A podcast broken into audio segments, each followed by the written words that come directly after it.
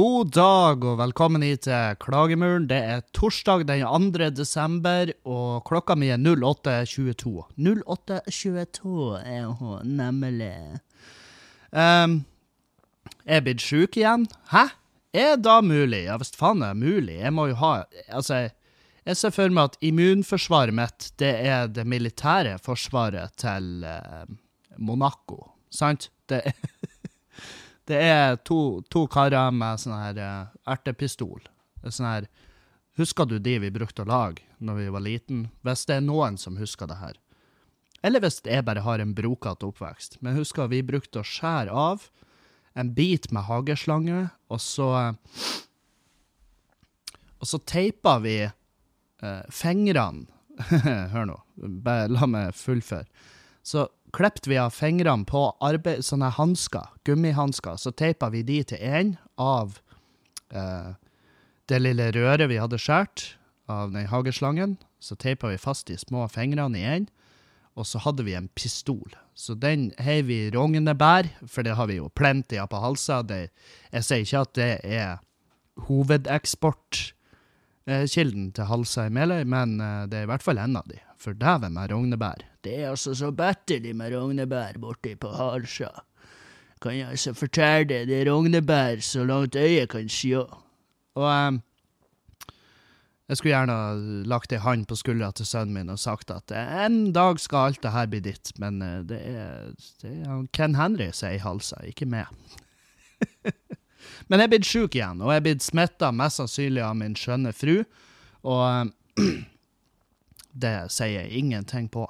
Eh, for jeg har forstått det sånn at det er mange forskjellige. Er ikke, altså En forkjølelse er ikke en forkjølelse. Og det her trodde jeg kjempelenge.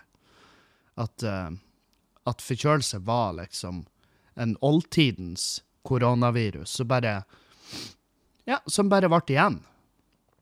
Men det viser at det er flere forskjellige. Masse forskjellige. Det er angro. Det, det er en europall med forskjellige virus du kan få, så bare fordi at du er forkjøla først, vil ikke si at du ikke kan bli forkjøla like etter, tydeligvis, med en helt ny, deilig variant.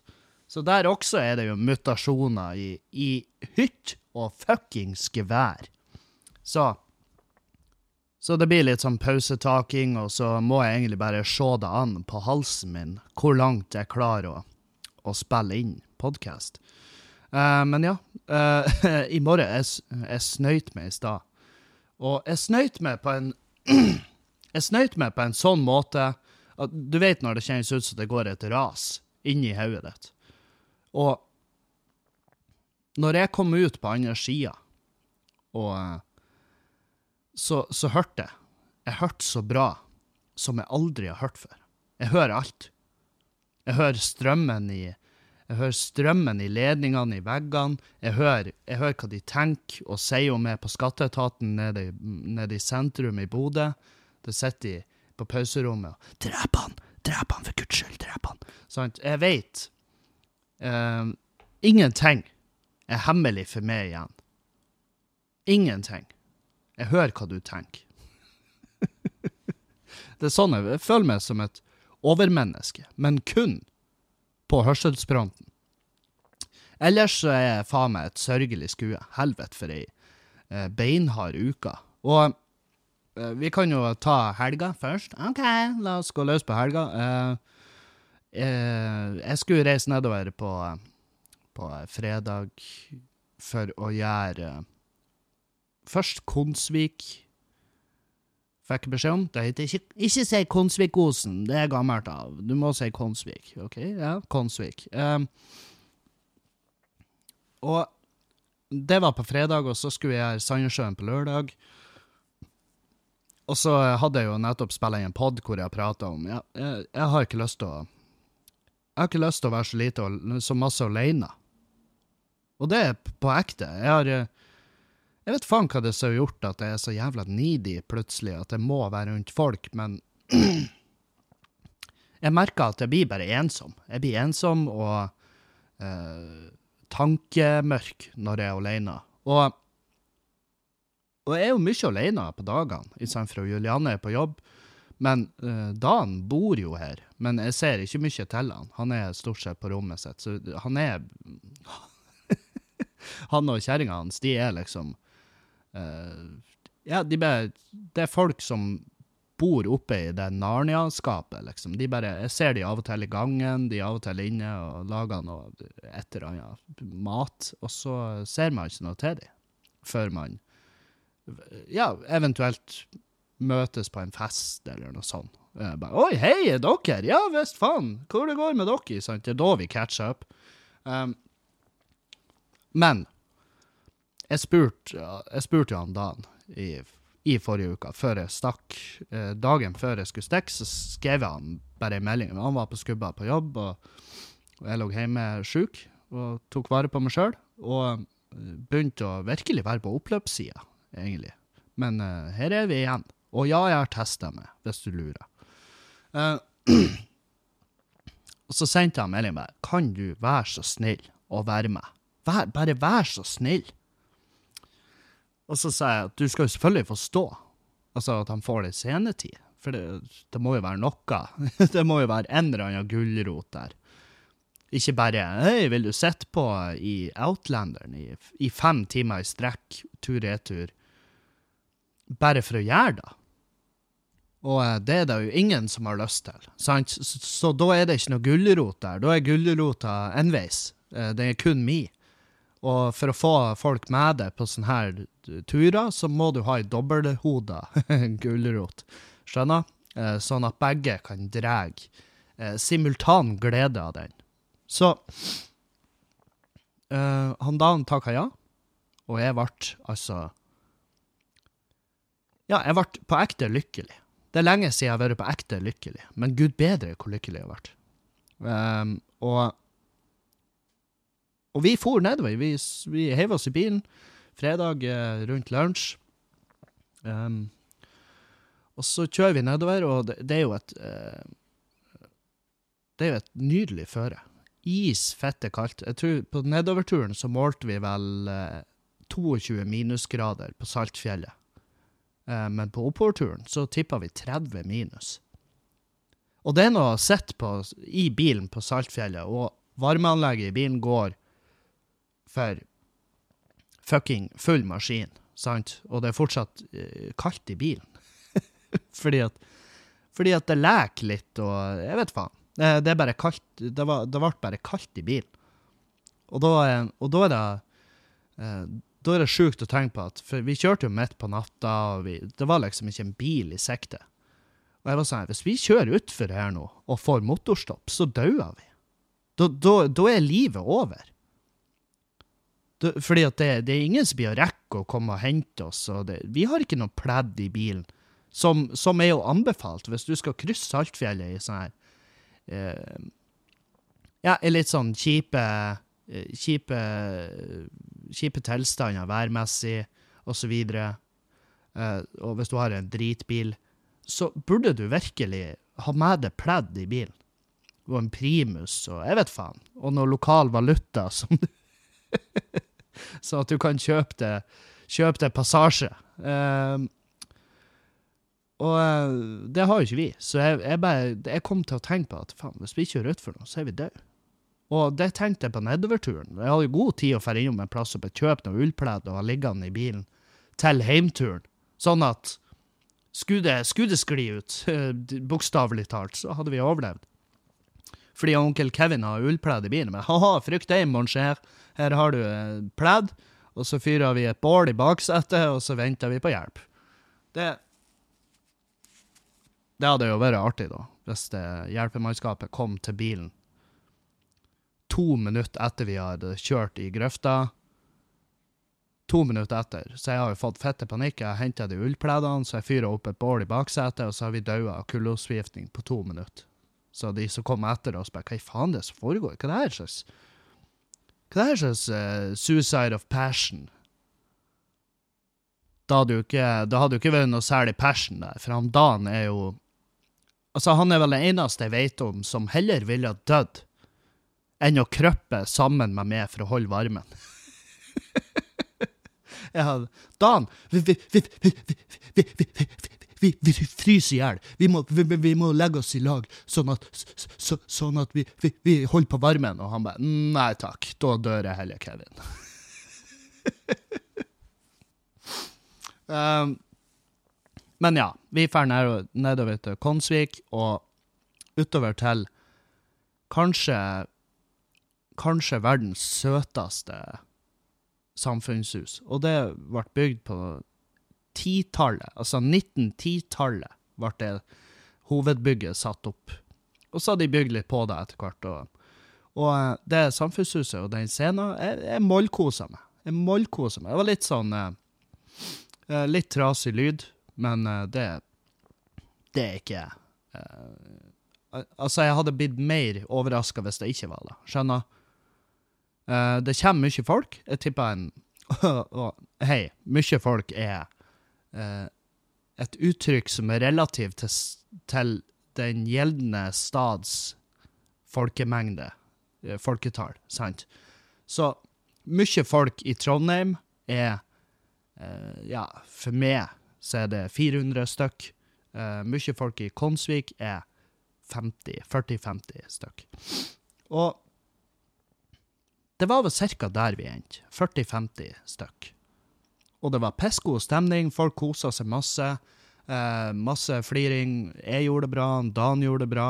Det var en, det var en helt nydelig kveld på Konsvik. Og så eh, De har ikke noe sånn eh, superlokalt eh, sånn overnattingssted, så vi, så vi hadde ordna oss hotell på Mo, og så hadde vi fått med eh, Vi hadde plukka opp eh, mitt, mitt eh, favoritt eh, Selina og Tilde, på, i, på Mo, og så tok vi de med oss utover til Konsvik. Og, og de òg mollkosa seg. Jeg måtte jo spørre lokalbefolkninga før show at eh, jeg, jeg tror til meg vi fanga på video, hvor jeg snur meg til arrangøren og så sier jeg, du, jeg har, ta, jeg har med meg jeg har med meg to eh, lesber. Jeg håper ikke det blir et problem. og, og eh, ja, det, det, det var såpass Det var i sånn god stemning at alle skjønte at ja, Kevin, Kevin tuller. Sånn, For jeg, jeg bare Ja, jeg håper ikke det er sånn at de blir liksom steina på parkeringsplassen, og, og hun bare Nei, nei da, det går så fint, så. Og, eh, og det vet jeg jo. Jeg visste jo da. Det er jo ikke Jeg bare prøvde å få fram et poeng at eh, det var ikke bare bare å komme seg dit. Altså, den veien ifra Ytteren på Mo og utover til Konsvikosen eh, er ikke ah, Det er ikke prima. Det er ikke det beste innenfor norske vei, eh, veinett. Herre fred for en, for en jævla reise. Og eh, jeg er jo glad jeg kjører Outlanderen, for det er en bra vinterbil. Den sitter bra, og den, jeg, har, jeg føler jeg har skikkelig kontroll, og jeg føler jeg har jeg vet faen, drift på alle fire hjulene. Jeg vet faen hva jeg skal se etter engang. Jeg har jo ikke peiling på bilkjøring, men jeg har drift på alle fire hjul, og da er jeg fornøyd. Og jeg har bra vinterdekk. Pigg. Piggdekk. Ikke kom hit. Ikke kom til meg og prøv å selge meg noe piggfritt piss. Har du sett den bakken jeg bor i? Kom og fortell meg at piggfritt er det samme som pigg. Eh, skyt deg sjøl i trynet med en, eh, med en minigun som du har henta av et amerikansk kamphelikopter. De skyter ca. Eh, jeg tror det er 120 skudd i sekundet. Ta, Skyt deg sjøl i fjeset med en sånn, hvis du mener at jeg skal komme like lett komme fram med piggfrie vinterdekk. Jeg har pigger som faen. Jeg vurderer å sette i dobbelt. Jeg vet ikke hvordan du gjør det. Jeg vet ikke om du tar ut lufta, og så fra innsida av dekket så slår du bare masse spiker igjennom. Men jeg, poenget mitt er at jeg, jeg har lyst til å ha mer pigg.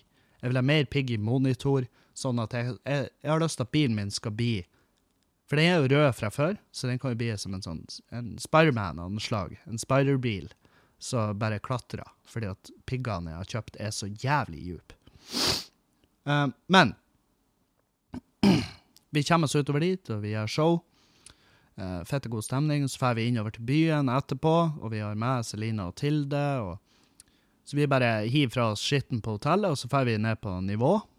Og, um, og så er jo jeg, er jo um, En ting er at jeg er sjuk, så jeg prøver å holde meg litt for meg sjøl, men jeg er ikke sånn jeg, jeg, bare jeg har ikke så lyst til å drikke, så jeg tar det jævlig rolig, og i tillegg så er jeg liksom eh, I hvert fall da, i baren, så var, så var lavkarbo-alternativene De var ikke uh, De sto ikke på rekke og rad og venta på meg. Men jeg drakk jo et par uh, Og det her er en fin, god drink. Uh, ja, god og fin. stryk det. Det her er en slags drink. Dæven, hva jeg overselger. Jeg drakk min, min en eller annen lavbudsjettsversjon av Skinny Bitch, um, som er jo bare vodka, sodavann og lime. That, that's it. Og uh, det er faktisk ikke så verst.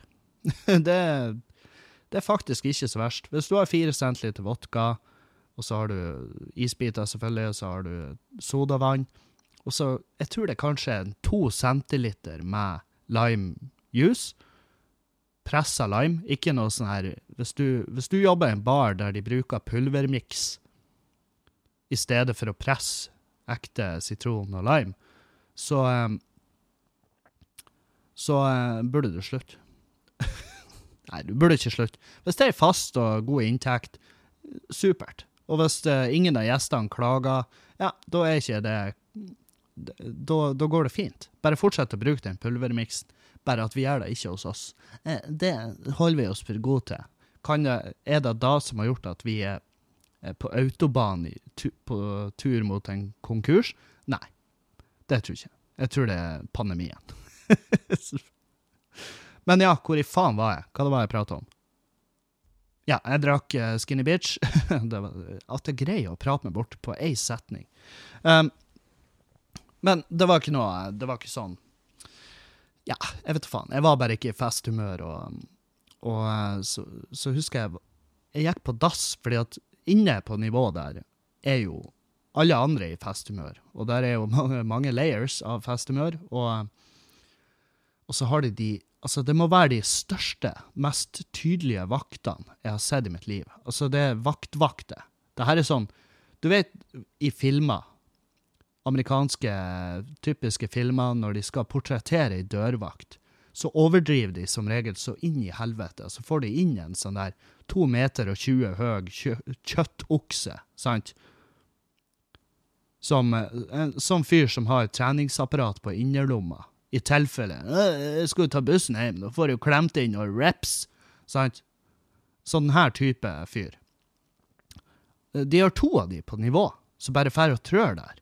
Og jeg faen meg Altså, jeg fikk øyekontakt med ene, og jeg bare så han nettopp gjennom sjela mi. Gjorde han nettopp en, en sjelelig razzia uten å spørre meg. Så jævla tydelig var det blikket. Men ja. Full fest, masse folk. Vaktene får trør. Jeg går på dass for å pisse. Og inne på dassen der, når jeg da går opp til vasken for å vaske nevene, så legger jeg merke til at han på sida meg, han står og vasker den høyst respektable, sånn størrelsesmessig, kuken sin i vasken.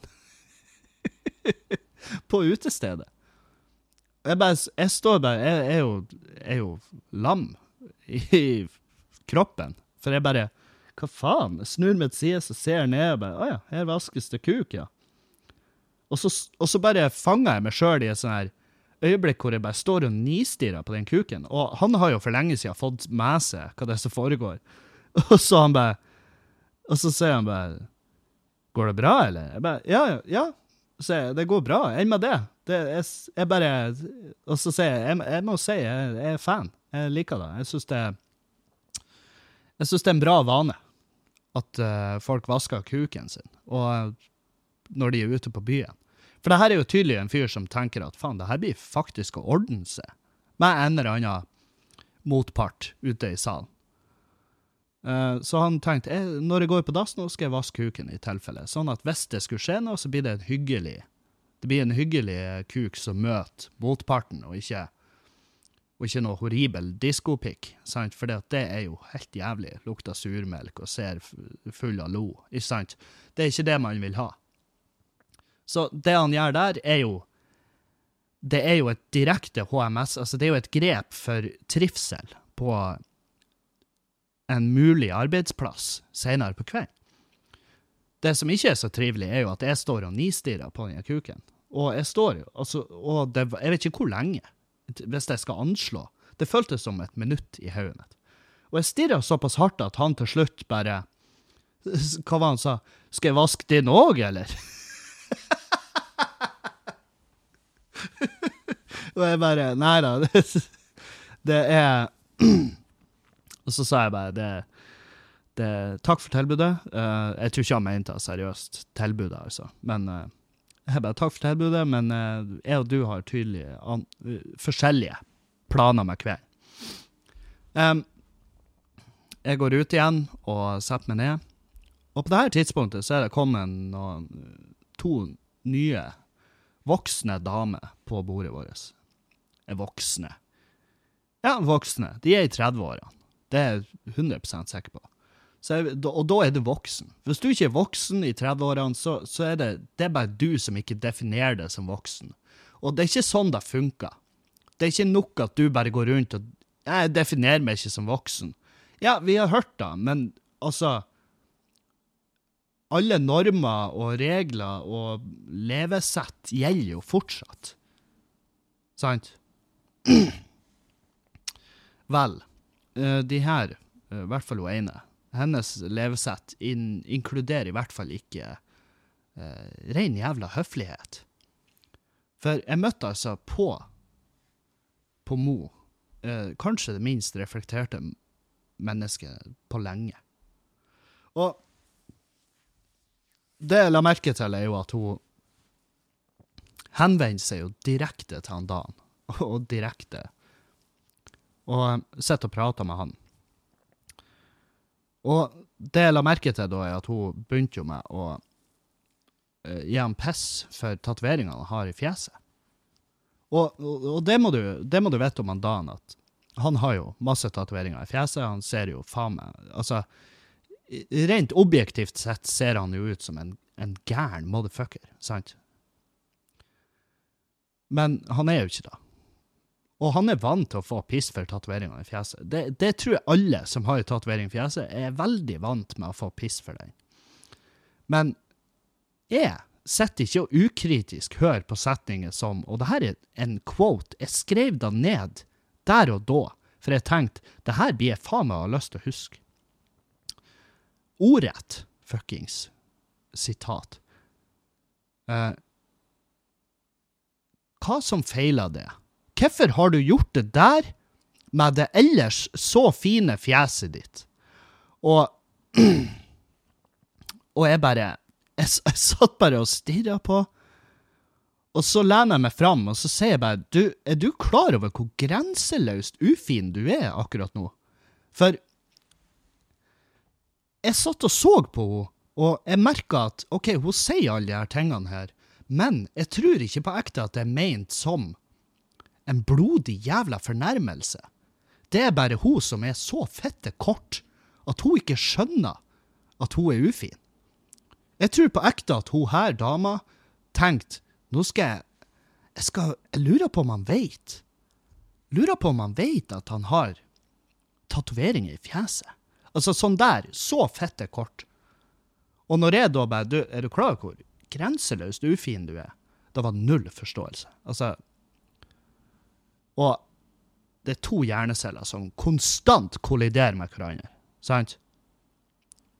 Du, du, vet når du går ned gata, og det kommer én person i møte med det, uh, og du vet at OK, den personen skal motsatt vei av meg, så vi må krysse hverandre. Og plutselig så står dere og har en sånn dance-off. Uh, høyre, venstre, høyre, venstre, og står og stepper sidelengs, og bare Og så begynner med den kleine latteren.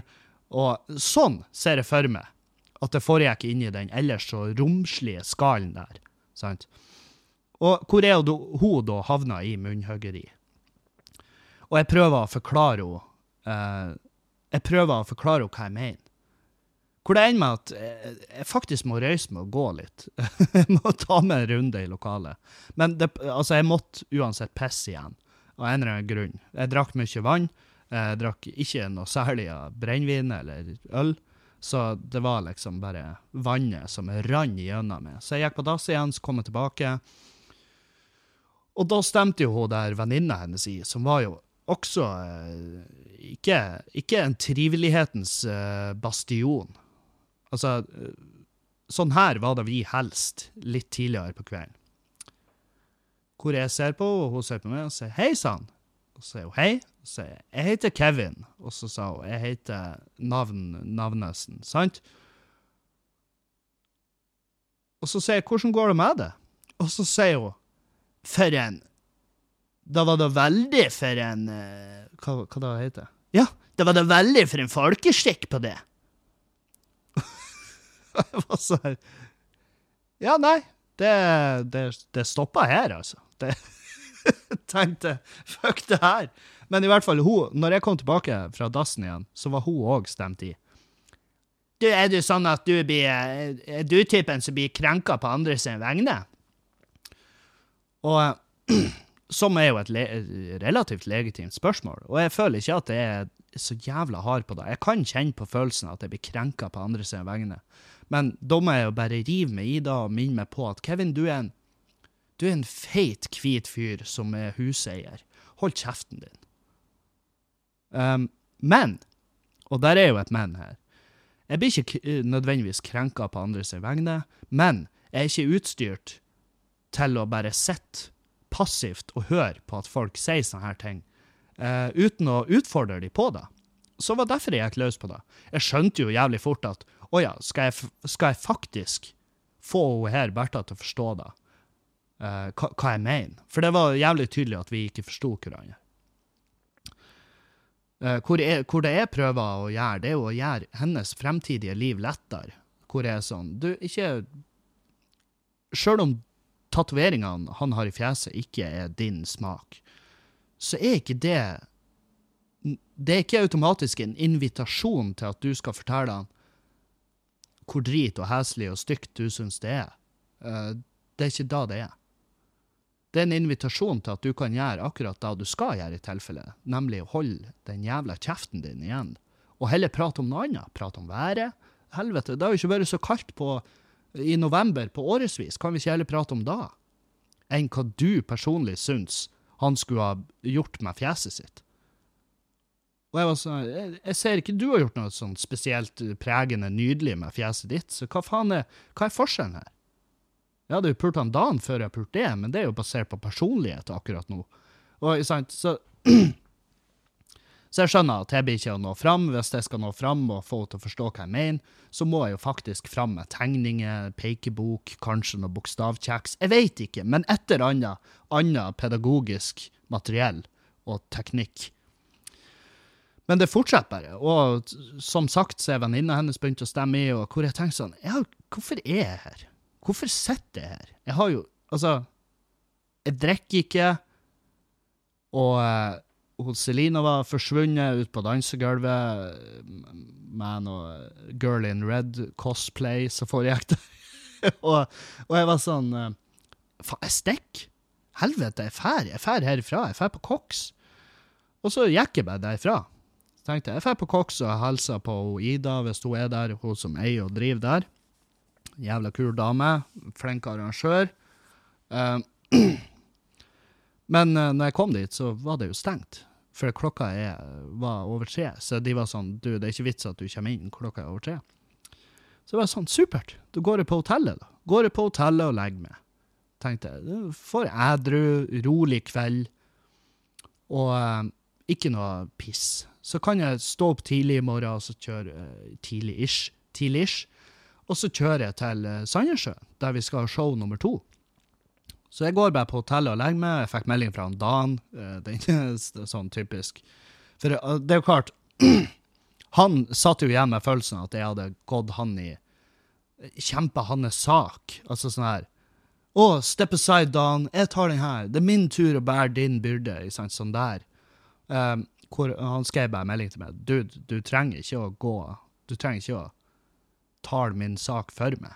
Og jeg bare Nei, men nok en gang, det, var, det er ikke da jeg føler jeg gjorde der. Jeg føler bare at jeg brøt inn når jeg hører folk oppføre seg som menneskelige endetarmer. Jeg, vil, jeg, jeg, jeg, finner meg ikke i det. Jeg syns det er piss å sitte og høre på. Jeg klarer ikke å bare bite i meg, sjøl om du kanskje gjør det og flirer bort. Jeg, jeg bare takler det ikke. Men kanskje det er meg, kanskje jeg er på tur å bli en sånn jævla Karen, men uh, da, i så fall så må jeg gjerne få beskjed om det. Så skal jeg ta tak i det. Uh, så skal jeg bare gi faen i å egentlig engasjere meg på andre sine vegne. Men jeg var sånn, du, det var ikke da det handla om, men jeg skjønner hva du mener. Og så videre. Og så la jeg meg, og jeg våkna. Jeg våkna av min egen fis. Altså, jeg våkna av at Å, helvete! Hvor jeg måtte sjekke etter i senga. Skjønner? Og um, jeg bare kjente at nå må jeg altså så bort i helvete på dass at uh, jeg tror faen meg jeg er på tur å dø. det var uh, Jeg må ha ligget jeg, jeg vet ikke hva det der må ha gjort med søvnkvaliteten min, men det kjentes altså ut som at jeg har måttet være på do i ti år før det her. Så jeg røys meg sakte og rolig, og så skubba jeg meg bortover gulvet på rommet. Og det her er jo morgenen, sant? Jeg er edru, i god form. Jeg, jeg våkna at Jeg våkna av at jeg ble glad for at jeg ikke hadde trukket for gardinen helt, så lyset slapp inn og traff meg i fjeset. og Det var bare, det var bare dritdigg, annet enn at jeg holdt på å drite meg ut. Um, så jeg reiser meg også på tur bortover gulvet der. og jeg vet ikke om jeg har nevnt for dere at jeg har kjøpt en Jeg har fått en ny koffert, en sånn douchebag-koffert. Og den er jeg veldig fornøyd med. En sånn trillekoffert slash bag. Eh, veldig fornøyd med den. Eh, veldig stor, veldig god plass. Og eh, den har jeg tatt meg inn på rommet, og så har jeg lagt den bare rett ned. Det vil si at det teleskophåndtaket på bagen, det som du trekker opp når du skal dra den etter det, det var fortsatt utslått ned på gulvet. Og det så ikke jeg. Så når jeg kom uh, sakte, dritantrengt, trippende, så tryner jeg i den der. Jeg tryner i den der, går over ende, rett ned på gulvet. rett på mag. Som ender med at jeg bæsja ei lita kule. Ei lita sånn sauekule. Det var sånn, Og jeg hørte da var jeg bare Og jeg skvatt. Og jeg ble livredd. Og jeg røyste meg, og jeg bare Ja visst faen. Ja, se der. der. Voksen mann. 32 år gammel, legger igjen ei lita sauekule på gulvet. Fordi at han tydeligvis ikke har evnen til å våkne litt tidligere. Så det var jo med, det var jo med en en grenseløs skam at denne fyren gikk på dasset og henta papir og plukka opp den her Og flaks for meg i, i dette tilfellet. Knusktørre lille sauekula. Og, og så gikk jeg selvfølgelig på do og fullførte uh, arbeidet, men et, et, jeg kunne jo ikke unngå å tenke med meg sjøl når jeg satt på do, at Fy faen, Kevin. Du er faen meg du, du, har mange lag, du. Det er mange layers til denne personligheten din, til det som er mennesket Kevin, der du kan sitte ædru på en uteplass kvelden før og fullstendig karakterdrepe og hudflette folk som gir skeive skeive kommentarer til tatoverte folk, som har vært og som har eksistert virkelig i alle år, og kommer til å eksistere helt til lenge etter jeg er død. Du er, bra, du er en bra, flott fyr, Kevin, som tar opp den kampen med de hurpene som sitter der og kommenterer tatoveringer, sånn at du kan gå hjem til hotellrommet etterpå og bannes over hvor mye du hater de, samtidig som du som en voksen mann du er, der du tar opp kampen for alle de menneskene rundt deg, samtidig som du driter ut. Det er vel innafor å nevne da at uh, liksom Ja, jeg innser jeg innser det. Jeg skjønner sjøl at uh, du kan ikke gjøre begge deler, Kevin. Du kan ikke fære rundt. Du kan ikke ri rundt i Mo i Rana sentrum på din høye, hvite hest og være onkel pekefinger og hå-hå!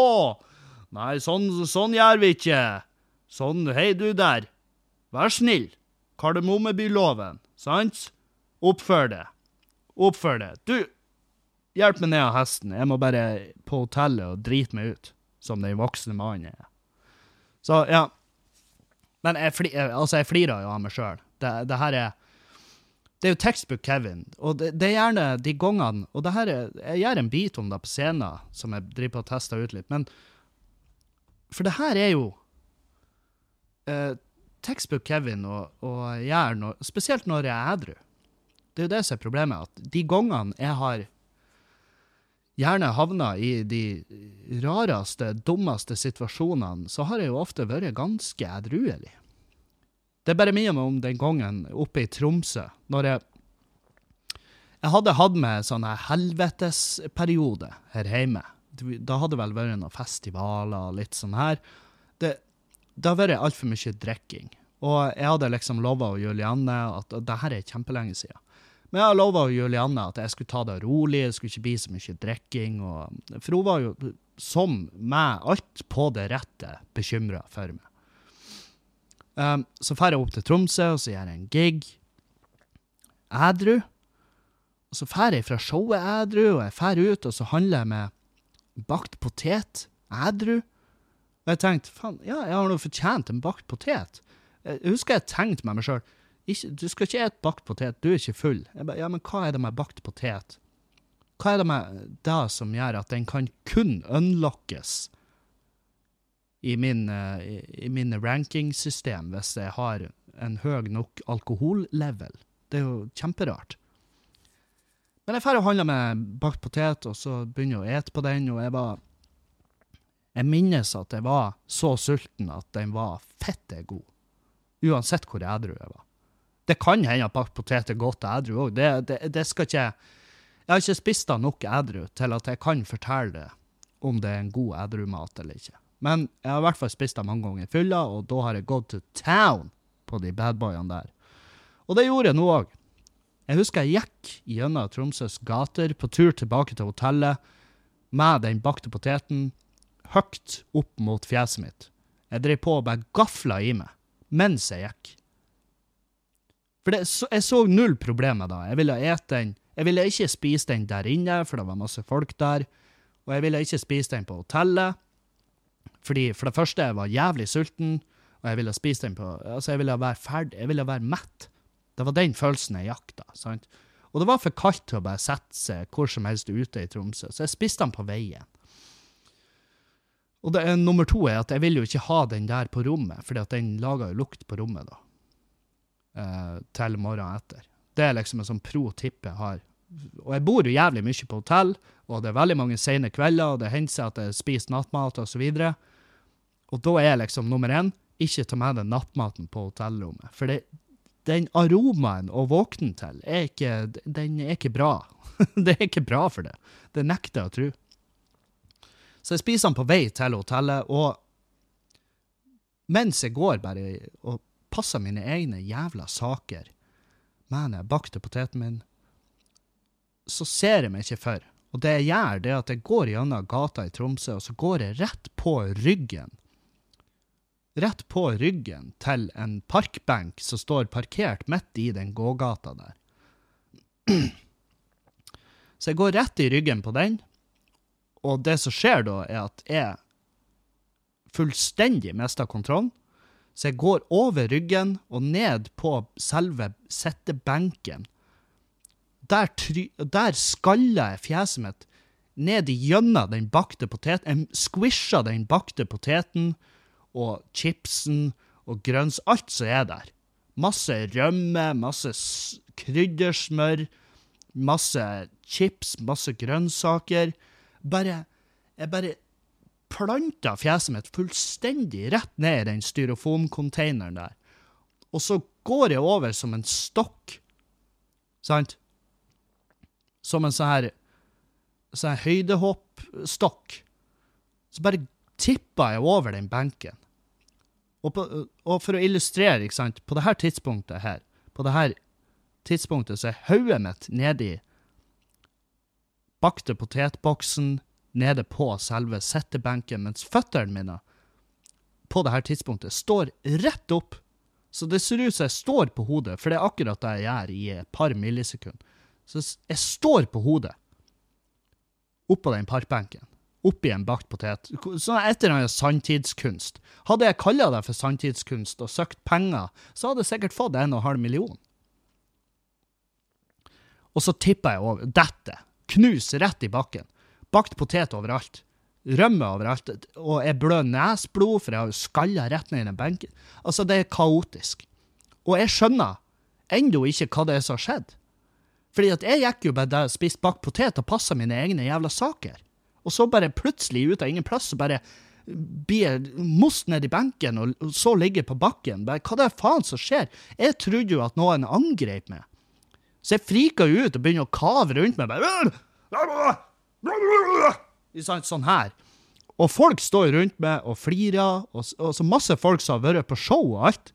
Og han ene husker jeg kom til meg og bare 'Ja, Kevin, ble det litt mye i kveld?' og jeg bare er ædru'.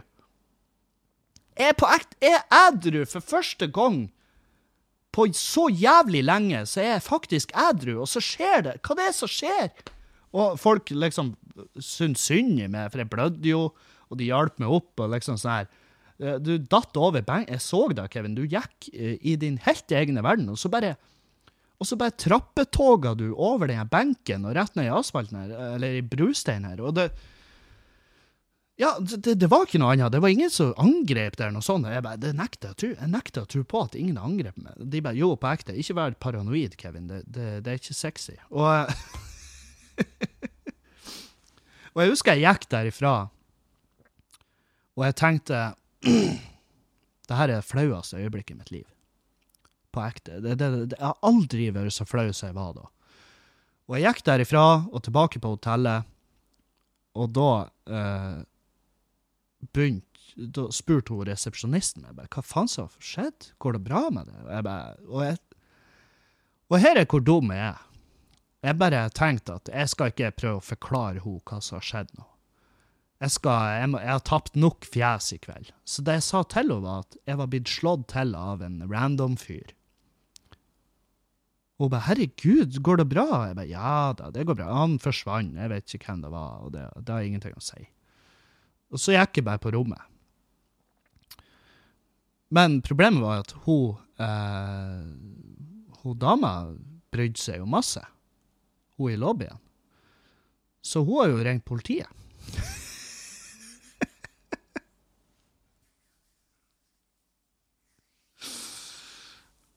Og eh, ja, resten er historie. Eh, så kom på show.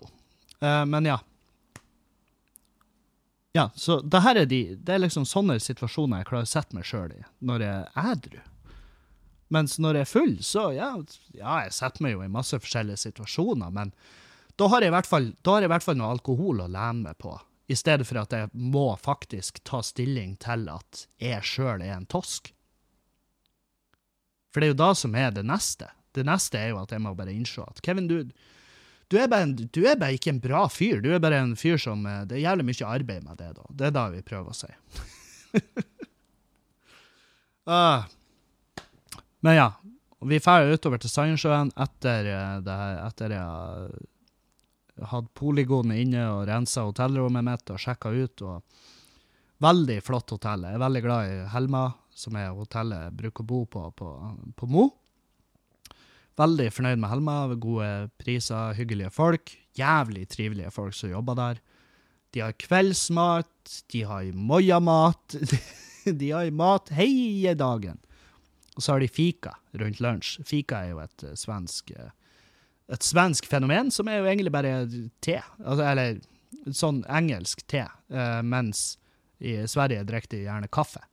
Men det er kaffe og kake og snop. Altså det, det er sånn skikkelig sånn her karboboost eh, midt på dagen, som sikkert er dritfett. Um, jeg for min del er jo ikke egentlig en kakedude, annet enn når søstera mi, når hun lager kake. For hun er altså så fette flink. Uh, dere kan følge henne på Instagram, faktisk. Hun heter vel der, tror jeg, Cornelias Kaker, med C. Eh, som er et artig, artig eh, navn, fordi at hun heter jo ikke Cornelia i det hele tatt.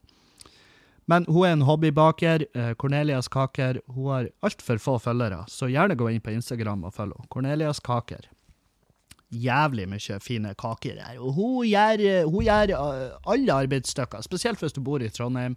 Så kan hun levere kake til konfirmasjonen din, til dåpen, til bryllupet, til eh, begrav... Nei, jeg vet ikke. Hvor vanlig er det med kake i begravelse? Jeg har spist kake i begravelse. Men hvor vanlig er det å ha det tematisert? ikke sant? En sånn svartsløra kake hvor det står med nydelig løkkeskrift i, eh, i, i eh, Hva det heter Melis. Melis blanda med vann. Da får du glasur. Takk, Kevin. står det sånn nydelig svartsløra kake, og så står det bare i løkkeskrift står det bare altfor tidlig. Ingenting annet. altfor tidlig. Men ja. Vi stikker derifra, drar utover til Sandnessjøen, eh, og eh, ut på hotellet der som eh, hvor vi, hvor vi hadde fått et eh, For jeg har jo med meg en Dan, sant? Så Kulturhuset har ordna med et rom, eh, så var det jo snakk om å ordne et tellrom, og så ordna vi et svært rom. Og så Bare helt nydelig. Fantastisk bra. Jeg syns det, jeg synes det, i hvert fall det rommet jeg var på, det er et bra hotell. Jeg så da altfor lave sånn stjerner, spør du meg. Men, eh, men eh, jeg vet faen. Det var i hvert fall ikke min oppfatning av det rommet. Det, det jeg syntes var jævla artig, da, det var at eh, For det rommet hadde, hadde jo liksom kjøkken. Skjønner? Eh, Det var kjøkken der. Det er suita. To soverom i, i, i rommet.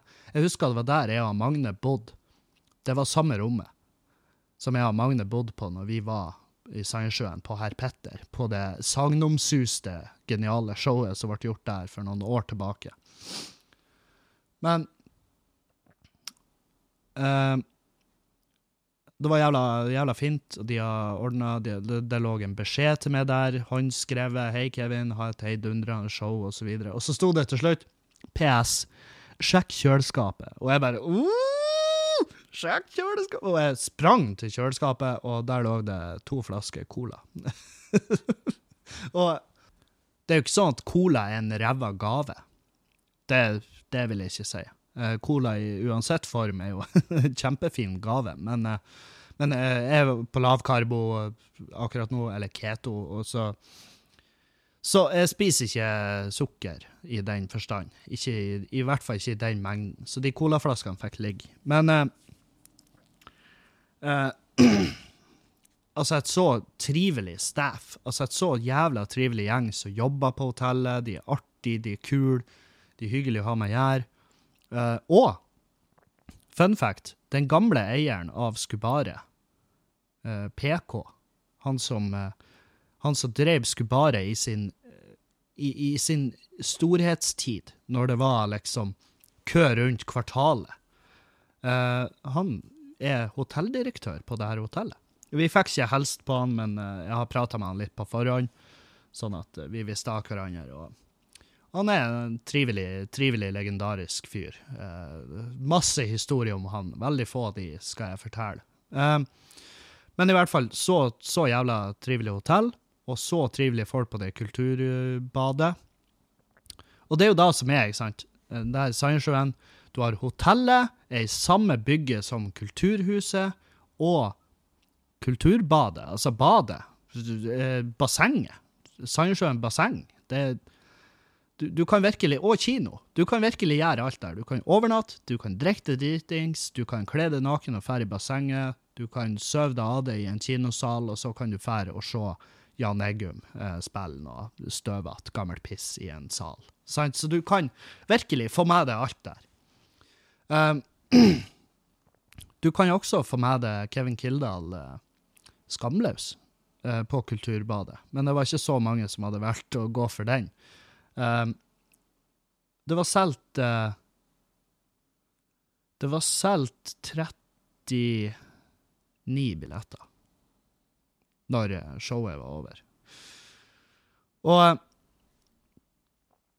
uh, det her er jo høsten oppsummert. Det er altså bipolart og helt jævlig salg av uh, billetter. Det er helt horribelt. Det er altså faen meg uh, Det er krise. Det er fette krise. Og merk meg nå, det her er ikke på noen jævla vis eh, kritikk til Sandnessjøen eller folket der. For la meg bare få da unna vei. Showet syns jeg var kjempefint. De, eh, de, ansatte på huset der Og det her er, her er jo minuset, da. Det, eh, de har én sal per nå. En, en, ganske svær sal med, audit, nei, med sånne her Ja, auditorium. Eh, seter på skrå. Kolosseumseter. Jeg vet faen de har slått inn auditoriumsetene, altså de her eh, kinosetene. Og så hadde de sittet ut noen svære bord og noen stoler, så det, salen så ikke så jævla tom ut som den ville ha gjort ellers. Veldig mesterlig utført salbygging. Veldig fornøyd med det. Og de som var der fra publikum, de kosa seg, jeg kosa meg. Eh, jeg tror han Dan hadde en litt røffere, litt røffere sett. Men det som er trist, da, eh, som forholdsmessig, så skulle det jo det skulle ha vært mer folk eh, på det showet i Sandnessjøen enn i Konsvik-Olsen. I Konsvik-Olsen så var jo en tredjedel av befolkninga der. Um, mens i Sandnessjøen Men det, hvem vet hva Eller det er mange som vet hvorfor. Uh, det er jo mest sannsynlig det økende smittetrykk. I tillegg så hadde de Altså tenning av master, for de har jo selvfølgelig sånn her radiomast i byen, akkurat sånn som så Linken i Bodø, og den hadde de rigga fullt av lys. Så de hadde tenning av master, og så var det livemusikk på et eller annet lokale like etter. Og det så ut som det var jævlig godt besøkt. Så uh, det var Poenget mitt er at det var Det ble en dyr tur.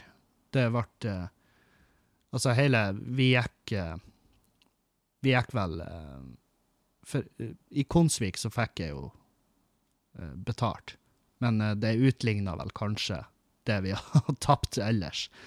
Så helga ble null innbringende. Ganske kjipt. Veldig trist. Men jeg, jeg, føler at jeg har i hvert fall begynt å bygge opp forholdet til Sandnessjøen, for herregud, for et nydelig folk som var på showet. Tusen hjertelig. Og det var dritkos. Jeg hilsa på flere av de etterpå. Og de var sånn eh, 'Skal du være med og drikke, Kevin?' Og jeg bare 'Nei, vet du, faktisk ikke'.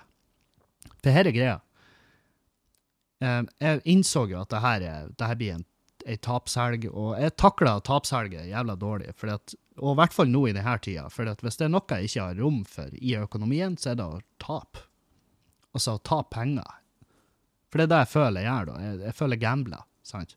Jeg føler jeg setter alt på svart, og så taper jeg, og så, bare, så må jeg sitte igjen med Og det er, jo, det er jo det jeg gjør. Jeg gambler jo når jeg setter opp turné og ikke har og ikke har noe management i ryggen. og Jeg er på egen hånd. Da, da reiser jeg rundt på egen risiko òg. Og, og av og til gambler jeg feil, og av og til gambler jeg rett. Og det, det, her kunne jo ingen ha sett for seg at det skulle bli sånn som det ble. Men, men det er nå sånn det er. Fordi at La oss si det var 39 stykk. Jeg mener jeg har sett 39 en plass. 39 stykk på Sandnessjøen-showet.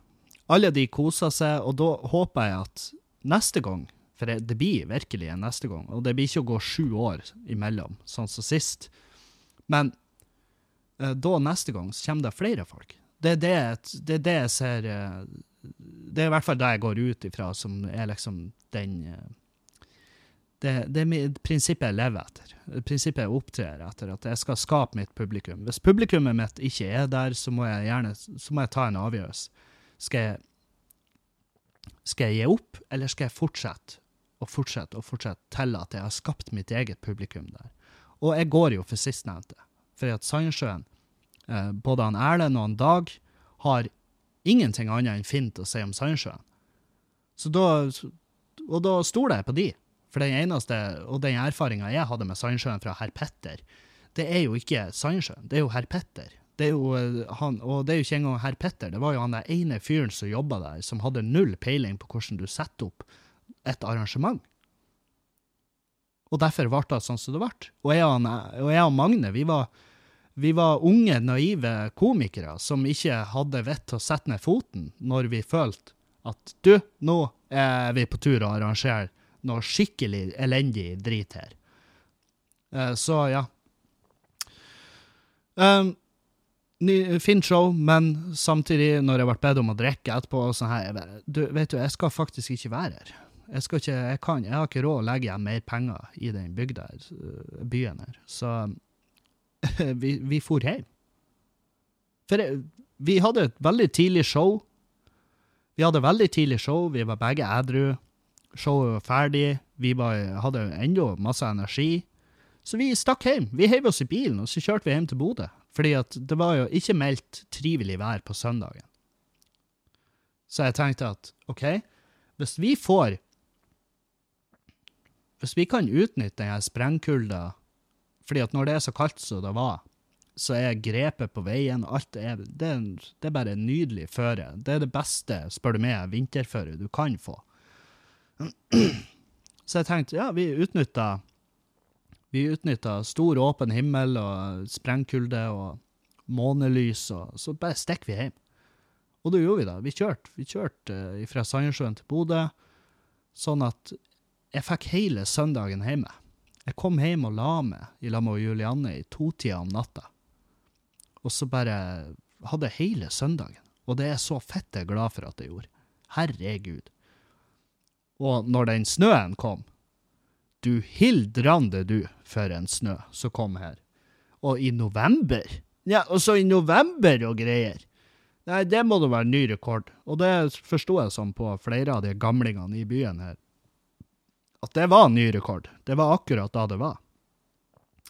Så vi stakk, eh, stakk hjem og, og gjorde en god vurdering der.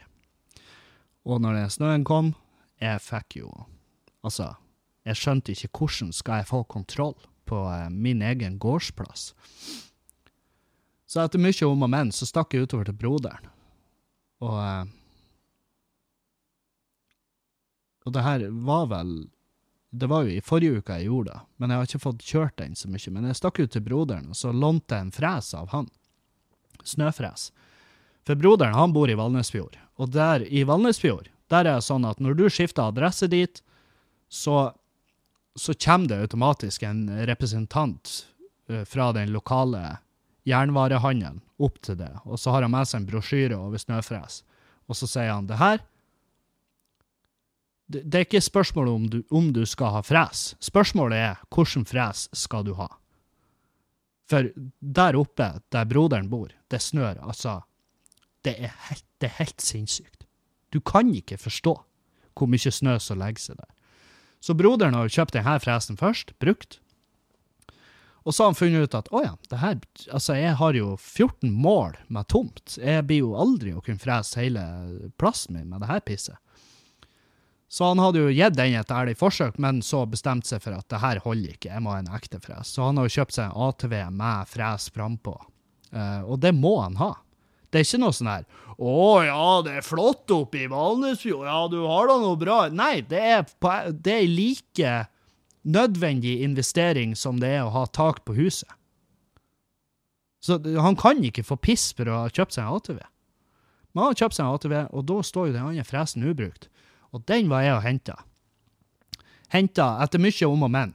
Fordi at uh, jeg trodde jeg hadde sommerdekk Nei, jeg trodde jeg hadde vinterdekk på hengeren jeg har kjøpt fra Hellala. Men der sto sommerdekk på, og jeg kjører ikke en boggyhenger med sommerdekk uh, uansett føre. Uh, med mindre det er sommerføre, selvfølgelig. Da kjører jeg mer enn gjerne. Men det må i hvert fall være det må i hvert fall være legit. Jeg må i hvert fall ha midt på det rene, hvis at den hengeren bare uh, finner ut at han skal danse zumba bak bilen og rive med seg en liten barnefamilie fra Skjærstad. Vel, da skal det ikke være sommerdekk på hengeren. For da er det jævlig vanskelig også å, eh, og spiller uskyldig i retten. Og bare, jeg, jeg, jeg visste ikke Å ja, du reagerte ikke på at det sto 'Summer' og så bilde en drink og en parasoll på dekket. Sant? Det forsvaret, forsvaret holder ikke, sant? Å, dæven. Jeg må se på pause. Jeg skal jo dra og spille inn podkast med han Erlend. Ah, der var jeg sømløs tilbake, men klokka er nå 13.20. Det er så jævla Inception uh, for dere. Påberop dere en, en, uh, en reaksjon dere neppe har.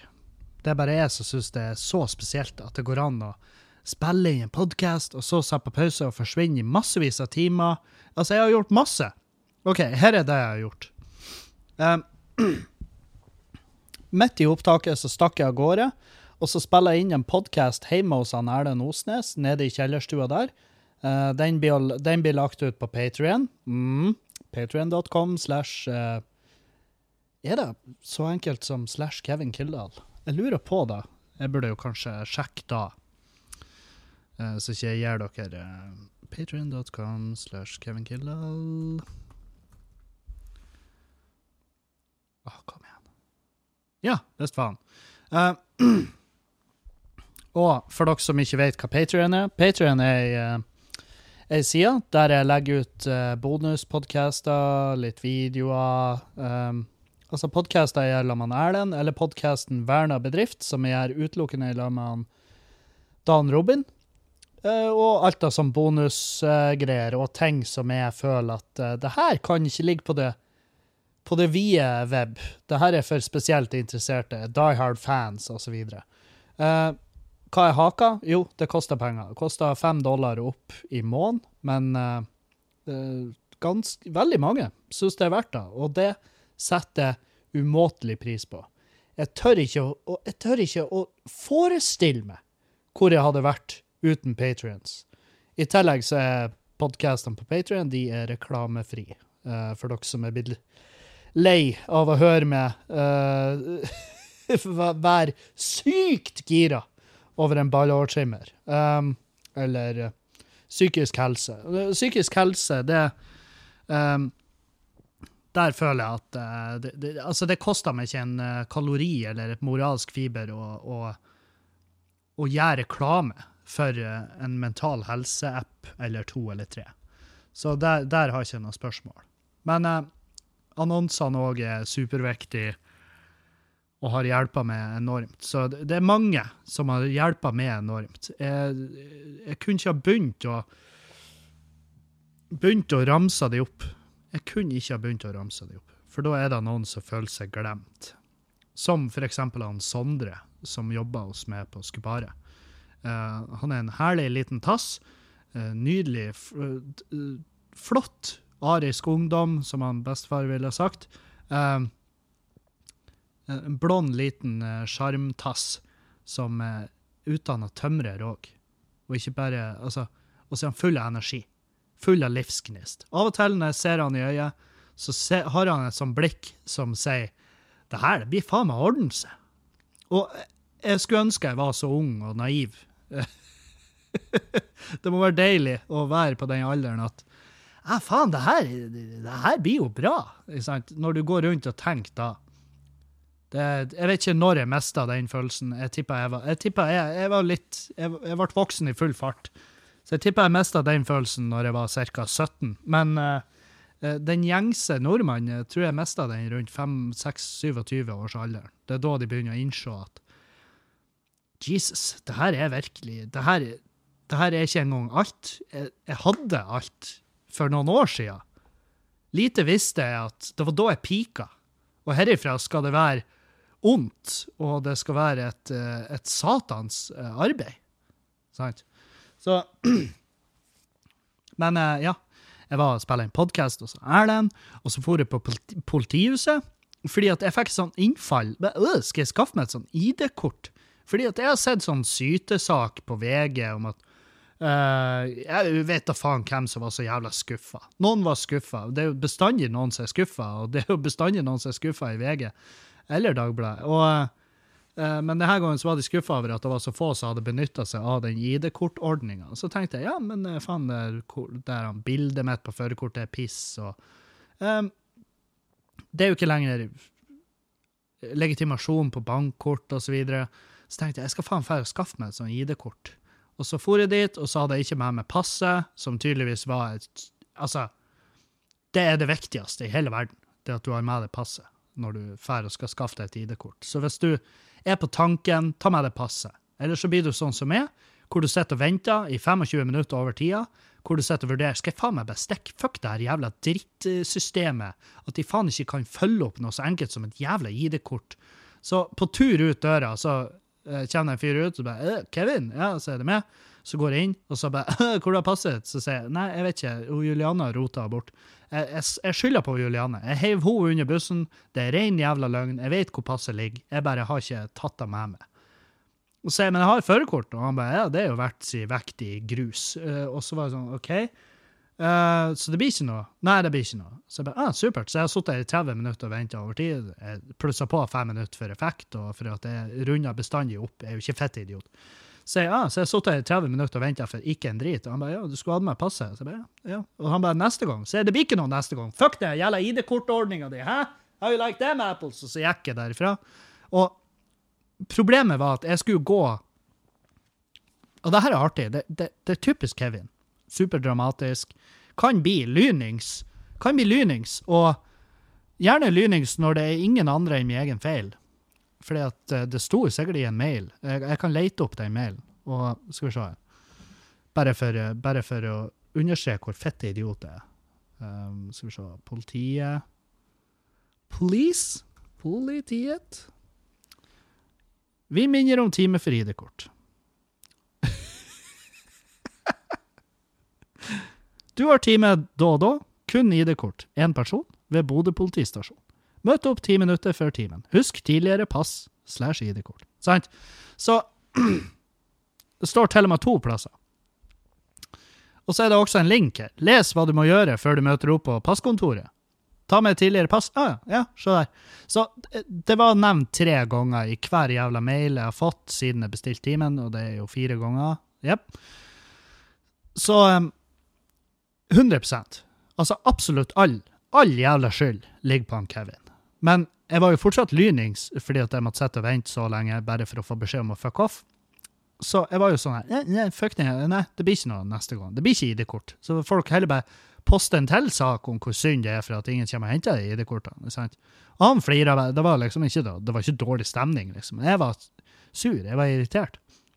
Og så skulle jeg bare Jeg skulle storme ut derifra, sant? Problemet er at på politihuset så har de, og mange andre plasser, så har de skyvedører, sånn automatiske skyvedører, som åpner seg Altså, jeg lurer på om hvem nå enn som har montert de, har tenkt at her inne skal ingen, ingen skal kunne utføre en dramatisk exit Uh, klokkereint. Og det er fordi at døren går så sakte opp at når jeg stormer bort og skuer gjennom den døra, så bare åpna det seg bitte litt først, og så sakte opp. Og dermed så ble min dramatiske exit, er, hvor jeg skulle være sånn ah, fuck der! Cab! Ikke sant? Skulle være sånn. Eh, hvor jeg bare Å, nei, jeg tar ikke piss ifra autoritetene. Kevin, vet du. Hæ? Dramatiske Kevin skulle bare storme ut derifra. Ble jo kila fast imellom de skyvedørene. Mens politifolket står og ser på meg. Og det tok liksom ekstra lang tid.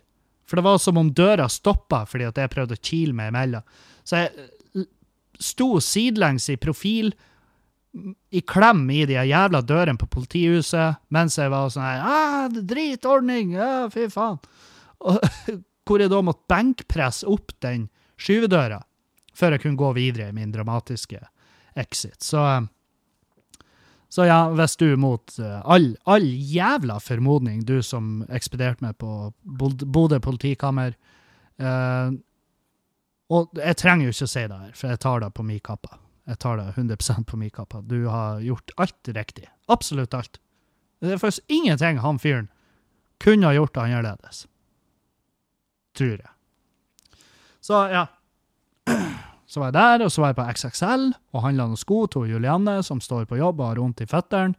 Og det er helt sykt at i 2021 så er det fortsatt de ansattes eh, Det kan jo mulig være da, på ekte, men det er i hvert fall for hennes del. Og så er det hennes ansvar å skaffe seg sko som ikke gjør at hun ender opp med ryggskiveutglidninger og ryggproblemer. Og det eh, det vil jeg gjerne prate om. I dag skal vi prate om arbeidssko, folkens. Eh, jeg husker jeg leste Når jeg jobba i Halsa Bygg, som var jo de bedriftene uh, hvor jeg holdt på å for alltid forankre meg i uh, det mest horrible Mest horrible følelsen av arbeid noensinne. Men det var nå bare meg. Det jobba fortsatt masse folk der, bedriften går så susa. Jeg tror han først gikk uendelig mye bedre i det sekundet jeg slutta. Ikke at det er relatert, men, men ja. Når, jeg husker når jeg jobba der.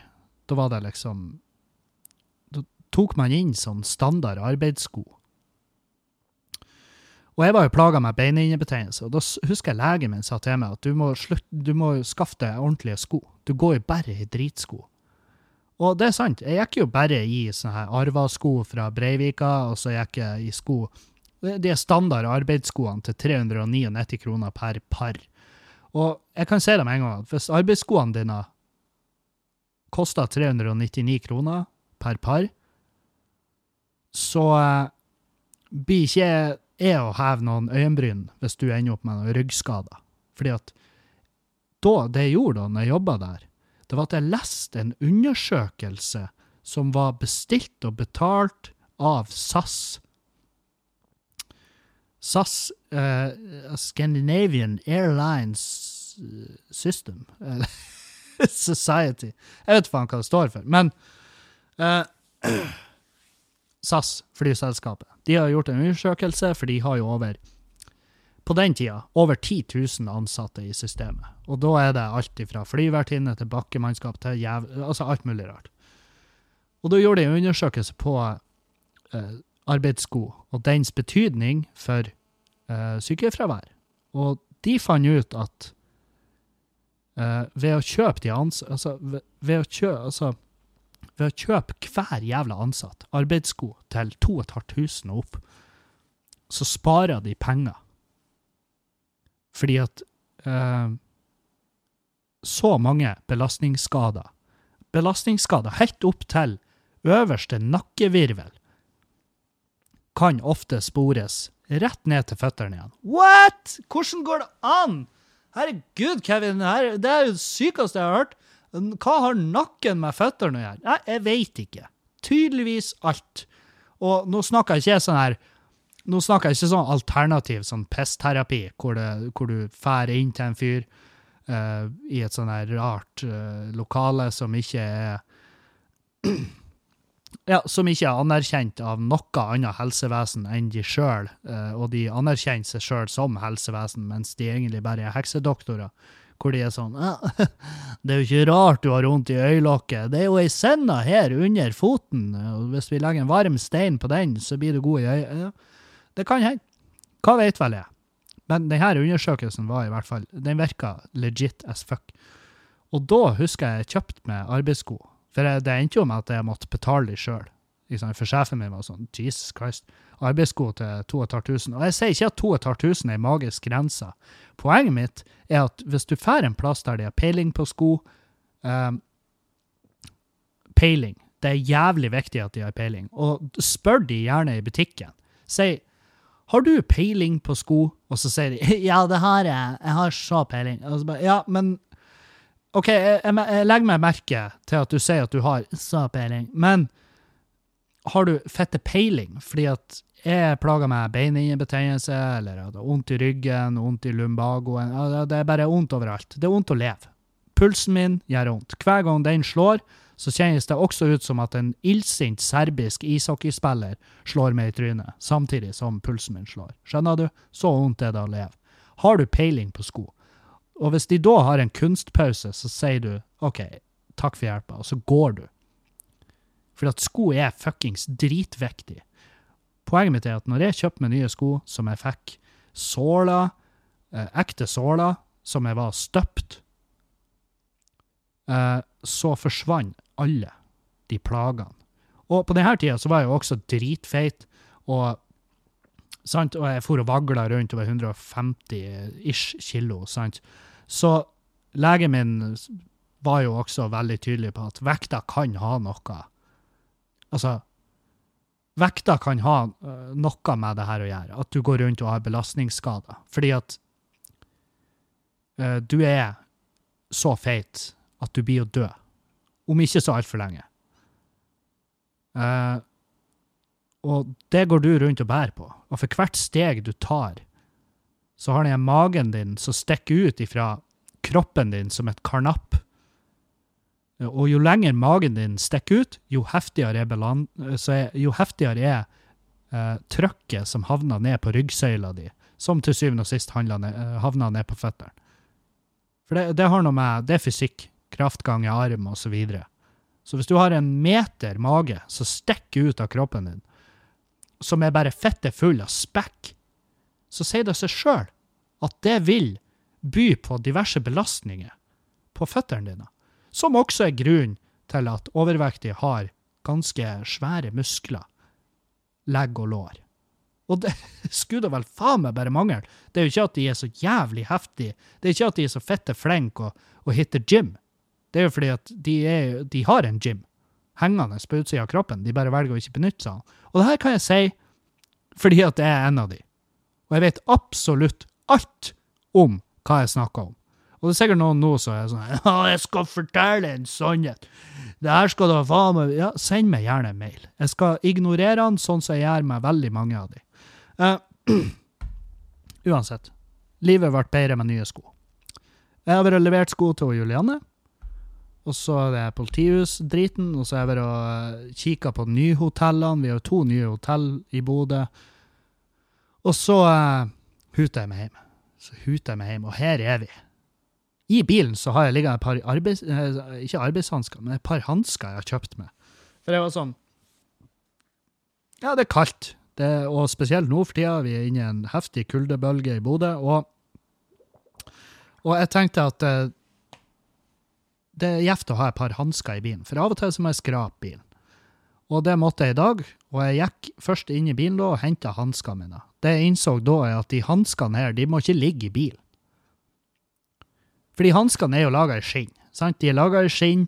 Jeg kjøpte de på Morris, tror jeg, der de selger sånne her kofferter og fettskitt. Jeg, jeg gikk inn der, og så fant jeg et par hansker som jeg likte. De passa på hendene mine. og så la jeg det i kassen. Jeg bare 'Jeg skal ha de her.' Og hun bare 'Ja, nå blir fruen glad'. Og så skjønte ikke jeg eh, hvorfor hun eh, Først så demra det ikke. Tenk da, at jeg er jo født og oppvokst med de her retarderte hendene mine. Jeg ser på det som et handikap. Jeg ser ikke på det som at jeg har unormalt små hender. Nei, det er en begrensning i livet mitt. Kan du, du, kan ikke forestille hva jeg går, går, gjennom på en daglig basis med de her ubrukelige små drittnevene mine. Men annet enn at noen har Det er til og med noen glass, noen halvlitersglass, uh, må jeg holde med begge nevene. Skjønner du? Da er det kjipt. Å, jeg digga den drinken her, kan jeg få den med hank på glasset? Nei, det er kun Irish coffee. Ja, da blir det vel bare Irish på meg i kveld, da. Sant? Så jeg handla de hanskene, og hun bare 'Ja, nå blir fruen glad'. Jeg bare 'Hvorfor da?' Og så Nei, og så betalte jeg, så drog jeg de på meg. Og hun bare 'Å, OK'. ja. Trynet hun ga meg, var sånn her eh, blanding av 'sorry', eh, snakka før jeg tenkte der. Eh, blanding av da og 'hute ut, din freak'. Men de hanskene der, de skal ikke ligge i bilen. Det, det, fikk jeg smertelig erfare i dag. For de er jo laga i skinn.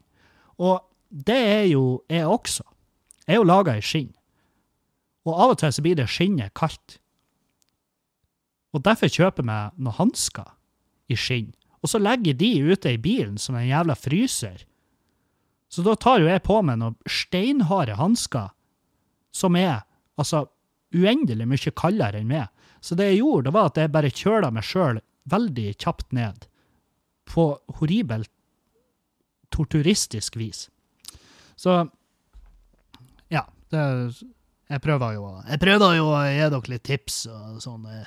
Jeg liker jo at denne podkasten her skal være litt sånn eh, tipsbasert. Um, så har jeg fått eh, Skal vi se her um, Ja. Tusen takk for alle som har sendt meg bilder. Eh, for det, vi er jo inne i den tida nå der du får oppsummert Spotify-en din. Og eh, veldig mange har med på topplista der. Herregud, så trivelig. Så jeg får tilsendt Jeg har fått i siste døgnet sikkert 200 uh, screenshots av at jeg ligger på topplista til folk, og det er kjempetrivelig. Uh, det eneste er at jeg kan ikke Jeg kan ikke dele alle de meldingene på storyen min. Det er flere som har etterlyst «Å, du delte den, men ikke min. Ja, men er det så viktig? Det, det er virkelig Jeg kan garantere det at jeg har nesten 10 000 følgere på Instagram, og ingen av de følger Altså, du vil ikke få noen referansefølgere om jeg legger det ut. Det er kanskje stas for det, men det må jo på ekte være mer stas at jeg gidder å ta den praten her med det, enn at jeg legger det ut på storyen min. Og hvis det, hvis det står om liv, skal jeg selvfølgelig gjøre det. Det koster meg ikke en kalori, egentlig. Det kan koste meg følgere, det er det eneste. Jeg prøver å nå den 10 000-grensa. Er det fordi at det er så jævla forfengelig av meg? Ja, tidvis. Men mest av alt fordi at når du krysser 10 000-grensa på Instagram, så skjer det noe. Da får du litt flere muligheter. Du får muligheter til å dele linker osv. Det er masse greier du får. Du unlocker et helt nytt univers, som er mye mer tilrettelagt for meg som artist. Så det er det jeg satser på. Så hvis du hører på podkasten og ennå ikke følger med, Kevin understrek Kildahl på Instagram, please gjør det. Du, bare, du kan følge med, og så mute meg. Jeg er faen. Eh, eller jeg er ikke faen. Ta gjerne og følg med. Av og til legger jeg ut noe, av og til ikke. Eh, jeg skal bli flinkere på Instagram. Jeg er 32 år gammel, og jeg må forstå at eh, sosiale medier er virkelig der det skjer. Så eh, Hank von Helvete mm, død. Jeg har ikke sånn jeg, har ikke så sykt, eh, sykt forhold til han. Jeg vet jeg fornærma han på et julebord for noen år siden, og så vet jeg at eh, han var scientolog, som er jo i seg sjøl Ja, man kan jo eh, man kan jo diskutere hva som egentlig er best for et menneske, å være avhengig av heroin eller scientolog. I hvert fall ikke begge deler. Det er det ikke rom for. Han var unektelig en fantastisk musiker, så hvil i fred. Og jeg er jo sykt fan av Turboneger. Jeg syns det Altså, jeg husker jeg så de tre Jeg tror jeg så de tre ganger live mens han var der. Og eh, det var jo altså virkelig på ekte en opplevelse. Så jeg er inn helvete fan av uh, musikken der, og det er jævlig synd at det Det var jo planlagt en eller annen sånn reunion-turné, og den skulle jeg likt å være vitne til, men sånn blir det ikke. Og så hørte jeg på Dag sin podkast at han Selvfølgelig han Ørjan Bure hadde lagt ut så her. Åh, fy faen. Skyt meg i trynet. Um,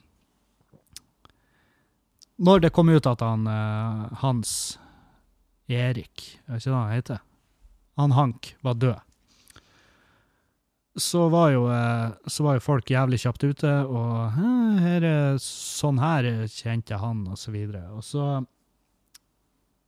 og så var det jo selvfølgelig Burøe sin tur. Og han eh, la jo ut noe som ikke kan være noe annet enn den mest tydelige hintinga til at det her er et sjølmord, og jeg kunne ha gjort noe med det. Hvor det var en sånn post sånn her, 'Å, jeg så hvor ensom du var', og så hvor det, han avslutta med 'Beklager, Hans Erik'. Beklager at jeg var der. Uh, og så senere går, går manageren ut og sier 'Folkens, det her var ikke et sjølmord'. Jeg vet ikke hvor dere har det fra, men slutt å spekulere i det. Det her er ikke et sjølmord.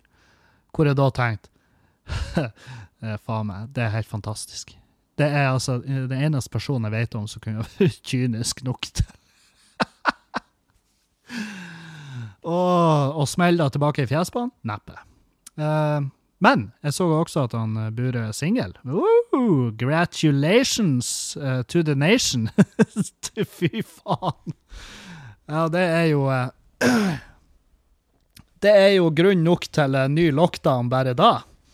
Det hadde vært jævlig artig om, om eh, Nå har ikke jeg fått med meg, jeg husker ikke hva den nye helseministeren heter, men eh, hvis den nye helseministeren går ut og bare Hei, vi har kalt inn til denne pressekonferansen her for å lansere noen nye nasjonale tiltak, og det vi har bedt om, er at folk holder seg hjemme i, i fire uker i strekk, og det har seg, rett og slett sånn at uh, Det har ingenting med omikron-varianten å gjøre, eller noe sånt, det er bare slett at Ørjan Bure er blitt singel. Så vi vil Vi vil at alle bare holder seg hjemme på i hvert fall fire uker, så skal vi få, skal få forma ut en kriseplan i mellomtida. så bare Rett og slett så at vi kan få bygd oss et bilde av hva det er vi har å jobbe med her, og hvor mye ressurser vi må sette av, osv. Uh, nei, så, faen Samlivsbrudd, det, det kan være fette kjipt, og det kan være på tide. Jeg skal ikke uttale meg om om akkurat det der. Men eh, det har jo vært rart hvis jeg ikke nevnte det, med tanke på det forholdet jeg har hatt til eh, Ja, den mannen der. Og eh, Ja, så eh, jeg håp, håper, håper ingen dør. Det er liksom det som er Jeg, håper, jeg kom i den alderen at jeg går ikke lenger rundt og ønsker folk død. Jeg gjorde det før. Eh, det, jeg, jeg kan komme på et par personer som er, som er ikke For jeg tror at hvis du ønsker noen død, det vil si at hvis du hadde fått muligheten til å på ekte ta livet ifra dem uten at det bært noen konsekvenser. Det, det føler jeg er definisjonen på å ønske noen død. Um, jeg kan ikk- Jeg kan komme på to mennesker som jeg ville ha tatt muligheten. hvis, og det her er kun hvis at noen kunne garantert meg at det her det det er vel innafor det som er greit. Og eh, du, det, det, det går ikke an. Det er faktisk ikke en Det er ikke en astronomisk mulighet en gang for at det her kan komme tilbake og bite i ræva.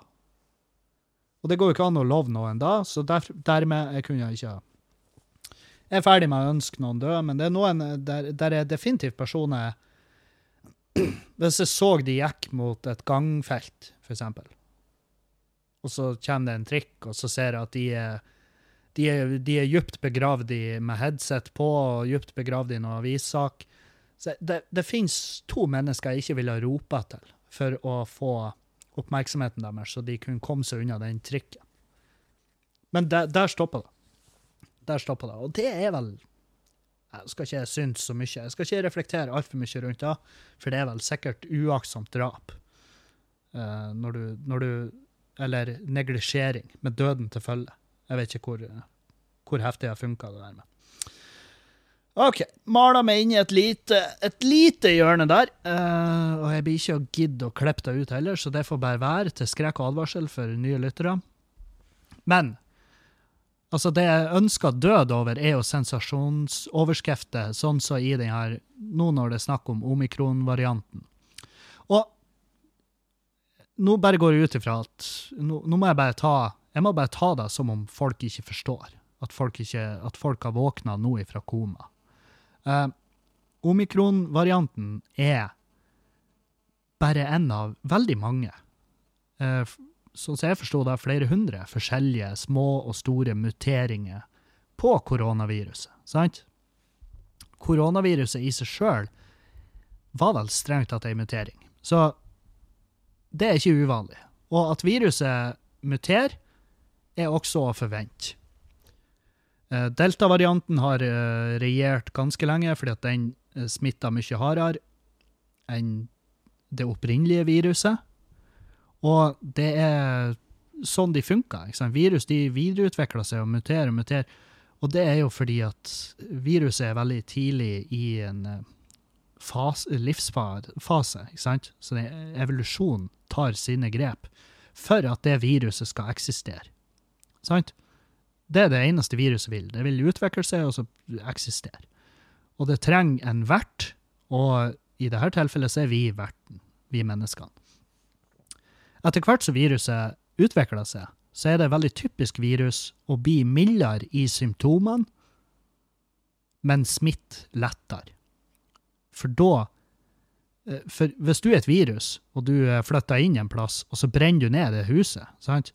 Så må jo du skaffe deg en ny plass å bo. Ikke sant? Så derfor er det ikke Et virus er ikke tjent med å drepe verten sin. Uh, og det har aldri vært egentlig planen med det her viruset. Og som er jo grunnen til at de som blir aller hardest ramma, er de som, har, som er disponert for å rett og slett bare bli hardt ramma. Og det her var, jeg tror det her var en Dan som lærte meg tidlig i pandemien. Det var i hvert fall han som hadde fått den saken over seg først, at mutering er ikke nødvendigvis dårlig nytt. Og det er samme med omikron-varianten. Det er ikke nødvendigvis dårlig nytt. Og det er jo det som er kommet ut nå, men det er jo ikke det som blir skrevet om. sant? VG, Dagbladet, Avisa Nordland, alle her, de skal ha maks mulig klikk. Og de får ikke ett jævla klikk på en gladsak. Det er ingen som får klikk på en gladsak. Folk vil ha fordervelse, folk vil være redd, folk vil at ting skal være horribelt. Jeg bare syns det skrives altfor lite om at omikron-varianten, basert på de undersøkelsene som allerede er gjort, kan være akkurat det vi trenger for å få kontroll på viruset. Hæ? Fordi at symptomene og sykdomsforløpet er, i hvert fall foreløpig, ut ifra de tilbakemeldingene som er kommet fra Sør-Afrika og rundt, at sykdomsforløpet er uendelig mye eh, Ikke uendelig mye, men mye lettere. Mye mildere, mye bedre. Og hvis den smitter lettere, så vil det fort, fortere kunne resultere i en i en såkalt eh, Ja, altså at, at man får eh, Jeg vet ikke om det er masse, immunitet, eller hva faen det er de håper på. Men eh, sånn som jeg også forsto det, så har det jo oppstått fordi at eh, veldig få der vaksinerer seg. Og i Norge òg er det jo selvfølgelig en uh, stor base av folk som ikke vaksinerer seg, og de bruker jo tonnevis med Tonnevis med, med, med, argumenter for å ikke gjøre det, eh, som eh, av og til havner jeg i krangel med dem. Fordi at jeg bare støter på dem, eller får en kommentar etter et show jeg har gjort, eller hvis det henger i kommentarfeltet til han Dag Sørås. det er liksom Jeg, jeg snubla over de her gærningene overalt. Og gærninger blir vel feil. Det er vel egentlig bare feilinformerte folk. Folk som eh, har valgt å sette sin lit til eh, Kari Jakkesson og, og Chartersveien kontra Jeg vet faen, en lege? og jeg bare synes det, har vanskelig for å tro at det hele egentlig er en konspirasjon blant alle leger i hele verden for å bli kvitt meg og alle andre som tar vaksinene. For det er jo en teori som går at uh, Ja, nei, eh, vi De har planta gift i alle vaksinene som skal drepe alle de som vaksinerer seg, sånn at verdenseliten står igjen med kun frie tenkere. Og det må være det dummeste bullshiten jeg har hørt i mitt liv. At man skal stå igjen med Charter-Svein uh, Hva heter hun? Uh, jeg husker ikke hva hun heter. Hun var komiker en gang i tida. Uh, Shabana Rehman. Skal stå igjen med Charter-Svein, Shabana Rehman, Jakkesson Altså, det er det mest sinnssyke jeg har hørt. At verdenseliten skulle ha tatt en sånn avgjørelse og drept unna den gjengse massen som hører etter, sånn at de kan stå igjen med frie tenkere som kan drikke seg dritings på en bassengkant og gjøre eh, spagat. Det, det, jeg bare går ikke med på det. Da gir det mye mer mening for meg at viruset er skapt av de, for å drepe alle de som ikke vaksinerer seg. De som ikke hører etter. Sånn at de står igjen med et gjeng med maur som hører etter på hvert et ord som blir sagt, og når de spør når de spør, de spør ikke engang, når de sier hopp, så snur vi oss, smiler til sjefen og sier hvor høyt? Hvor høyt vil du jeg skal hoppe? Sant? Det er det de vil. Så det gir ikke mening. Så hvis du er en eh, konspirasjonsteoretiker som tror eh, på alt det du hører, ja, hør nå på den teorien, og så får du å vaksinere det, sånn at vi kan fuckings bli ferdig med det pisset her. Jeg er så jævlig lei. Og eh, Dag fikk jævlig mye piss for at han skrev ja, hvis du er uvaksinert, så kan du fuck off fra showene mine. Og, det, og jeg tenkte, da jeg leste det, her blir det å ta fyr. Her blir det å ta fuckings fyr. Men eh, ja, jeg er helt enig med han. Jeg er 100% enig med han. Jeg har null problemer med å si det sjøl, hei, hvis du ikke er vaksinert, så, så, trenger du ikke Du må ikke møte opp på showet mitt. Og ja, det her sier jeg etter en høst hvor jeg har solgt uhorvelig lite billetter. Men det er jo fordi at jeg er lei av den pandemien og vil ut av den. Og eh, en del av det gjenget som gjør at det her tar ekstra tid, er de folkene som bare ikke vaksinerer seg. Og eh, dermed så blir jeg lynings. Og får et visst grunnleggende hat. Og det er jo ikke et og, og jeg må jo ha med en disclaimer, fordi at det tydeligvis er behov for. Men hvis du er i en situasjon der du er genetisk eh, har en sykdom eller et eller annet underliggende som gjør ja, eksempel, hvis du er allergisk mot virkestoffene i vaksinen, så skal jo ikke du ta vaksinen. For da dør du. så da er det heller at du satser på livet uten vaksinen. Men så har du jo de som roper høyt og bare ja, men koronapass og alt det her, det er brudd på menneskerettigheter. Det driter jeg. Det gjør jeg fullstendig Hvis det skulle vise å være brudd på menneskerettigheter, ja, det får så være, men uh, hvis du velger å ikke vaksinere deg Uh, Og det her også blir bare en blåkopi av noe han Dag har sagt, så han skal få all credit for det, men det er så jævlig sant det han sier, at hvis du velger å ikke vaksinere deg, så er det en, det er en sak som egentlig er mellom det og det. Men du må også forstå at du utgjør jo en potensiell fare. Sant? Og dermed så vil du kunne bli ekskludert fra Du har jo tatt et standpunkt, men du må jo forstå at hva nå en slags standpunkt du tar, vil få på et eller annet nivå sosiale følger. Samme som at jeg har tatt et standpunkt hvor jeg sier at er ikke eh, Jeg har ingenting imot innvandring. Sant? Jeg har ingenting imot innvandring. Jeg har eh, masse gode venner som enten er innvandrere eller har eh, et, foreldre som ikke er etnisk norsk, osv., osv. Når jeg har tatt det standpunktet, så kan ikke jeg bare trappe opp på en Sian-samling. Sant? Fordi at jeg har tatt et valg der. jeg vet at det ikke er direkte overførbart, men jeg prøver bare å sette det i en kontekst. Og gjør det en kontekst som de som ikke velger å vaksinere seg, også kan kjenne seg igjen i. For det, er ikke, det, er ikke å stikke under en stol at veldig mange av de som krangler i kommentarfeltene, uh, er en spesiell type folk. Hvis du sjekker ut uh, Facebook-sida deres, veldig mange av de har et norgesflagg som profilbilde, og uh, driver med schæferutleie i uh, misvær. Ikke sant? Du vet da, du skjønner hvilken type mennesker som går igjen der. Og da tenker jeg at ja, faen heller. Uh, skal man gidde å bruke tid på det? Eller skal man bare la det gå sin jævla gang? Og jeg begynner å bli Nei, på ekte. Jeg er så sliten. Jeg er så sliten og utbrent og lei. Og uh, redd. For uh, det Altså For nå, med nye regjeringer, det er ikke noe stønader. Uh, og jeg, jeg vet ikke med resten av kultur, kulturlivet, men i løpet av hele pandemien så har jeg vel aldri hatt det verre enn nå. Akkurat nå. Akkurat nå så har jeg det verst i løpet av hele pandemien. Jeg har ikke hatt det verre økonomisk enn jeg har det nå. Og dermed når stønader forsvinner og ikke noe mulighet til å søke på underskuddsgarantier for turné osv. Alt av ideer jeg har, blir bare lagt på is fordi at eh, ja, ideene er gode, men tida er feil, og det er ikke noe sikkerhetsnett, og det er ingen som det er ingen som strekker ut noen hånd, og eh, jeg, spør om utsettelse på huslånet i banken, og banken forteller meg at pandemien er over, og jeg bare Å ja, er den da, Sparebanken Nord-Norge? Er pandemien over? Så jævlig fett å høre.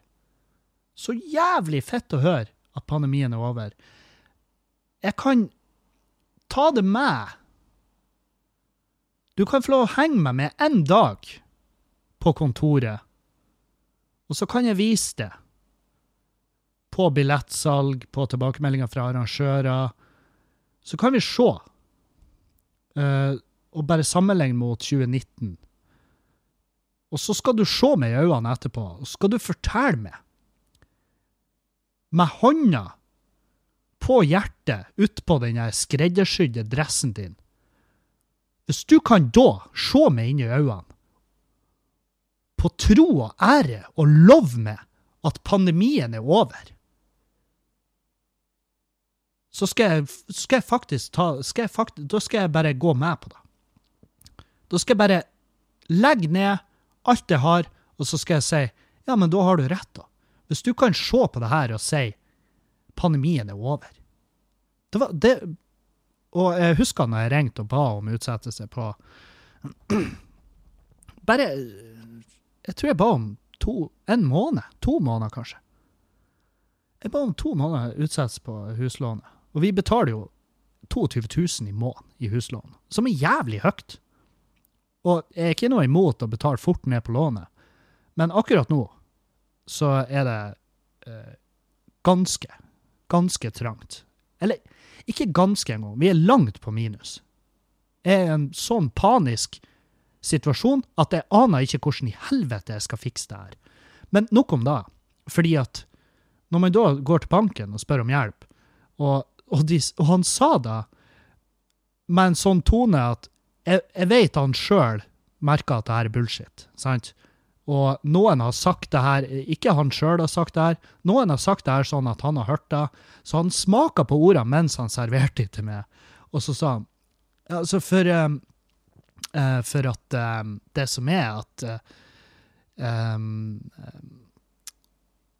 Altså, vi ser jo her, hos oss så er jo så er jo på en måte altså, så er jo på en måte ringvirk, altså pandemien og ringvirkningene av og uh, de er jo uh, ja, altså, Sånn som vi an, anser det, så er jo det over. Og jeg, denne stillheten ble da. Hvor jeg var sånn Hva, hva du sier? jeg måtte spørre meg Hva faen? Hva i helvete? Hva i herrens ville jævla vrede er det du snakker om? Den har vel aldri herja hardere? Og uh, ja. Nei, så jeg forstår Altså, det er jo, det er jo åpenbart uh, at den er over, bare ikke i kultur. Og uh, det er greit, altså, så lenge det er hvis den, er, hvis den er over ellers, hvis alle andre ellers er business as usual, så ja, greit. Uh, så får det bare være sånn. Så får jeg være han fyren da, som bare gikk ned. Ikke sant? Så for, hvis det skipet går ned, så går det ned, og da uh, blir jeg med, da. Da blir jeg så jævlig med, da. Jeg blir ikke å hoppe. Hvor i faen skal jeg hoppe? Jeg finner faen ikke trygg grunn uansett. Jeg lenker jeg holder meg fast i Julianne, som er liksom det eneste trygge jeg har i fuckings livet mitt. Og uh, jeg holder meg fast i henne på en sånn måte at hvis jeg går ned, så skal ikke jeg dra henne med meg. Skjønner? Jeg skal ikke dra henne med meg. Det er uaktuelt. For hun er det eneste som er bra i livet mitt. Og standupen, men nå får jeg Jeg ser på det her som jeg får ikke lov å gjøre standup. Det er det jeg ser på det som. Fordi at nå reiser jeg rundt og egentlig bare går i gjeld på standupen. Og det ble ikke noe særlig med julebordsjobber. Jeg trodde det var masse, men eh, flere av de falt av. Flere av de har avlyst på grunn av hva? Korona. Og så sier jeg 'hæ? Avlyste du på grunn av korona?' De bare 'ja, ja'. Det smittetrykket er veldig høyt, og jeg bare ja, Men eh, jeg kom nettopp av telefonen med Sparebanken Nord-Norge, og de kunne fortelle meg at eh, pandemien er over. Jeg hadde jo ikke fått beskjeden.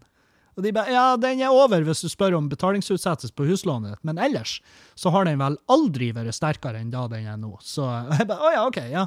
Nei, for jeg tenkte Jeg prøvde å fortelle de da, når jeg spurte om hjelp, og de eh, ga meg fingeren og bare 'Det her ordna du, Kevin. Du er en kakerlakk.' Og så legger de på, sant? Så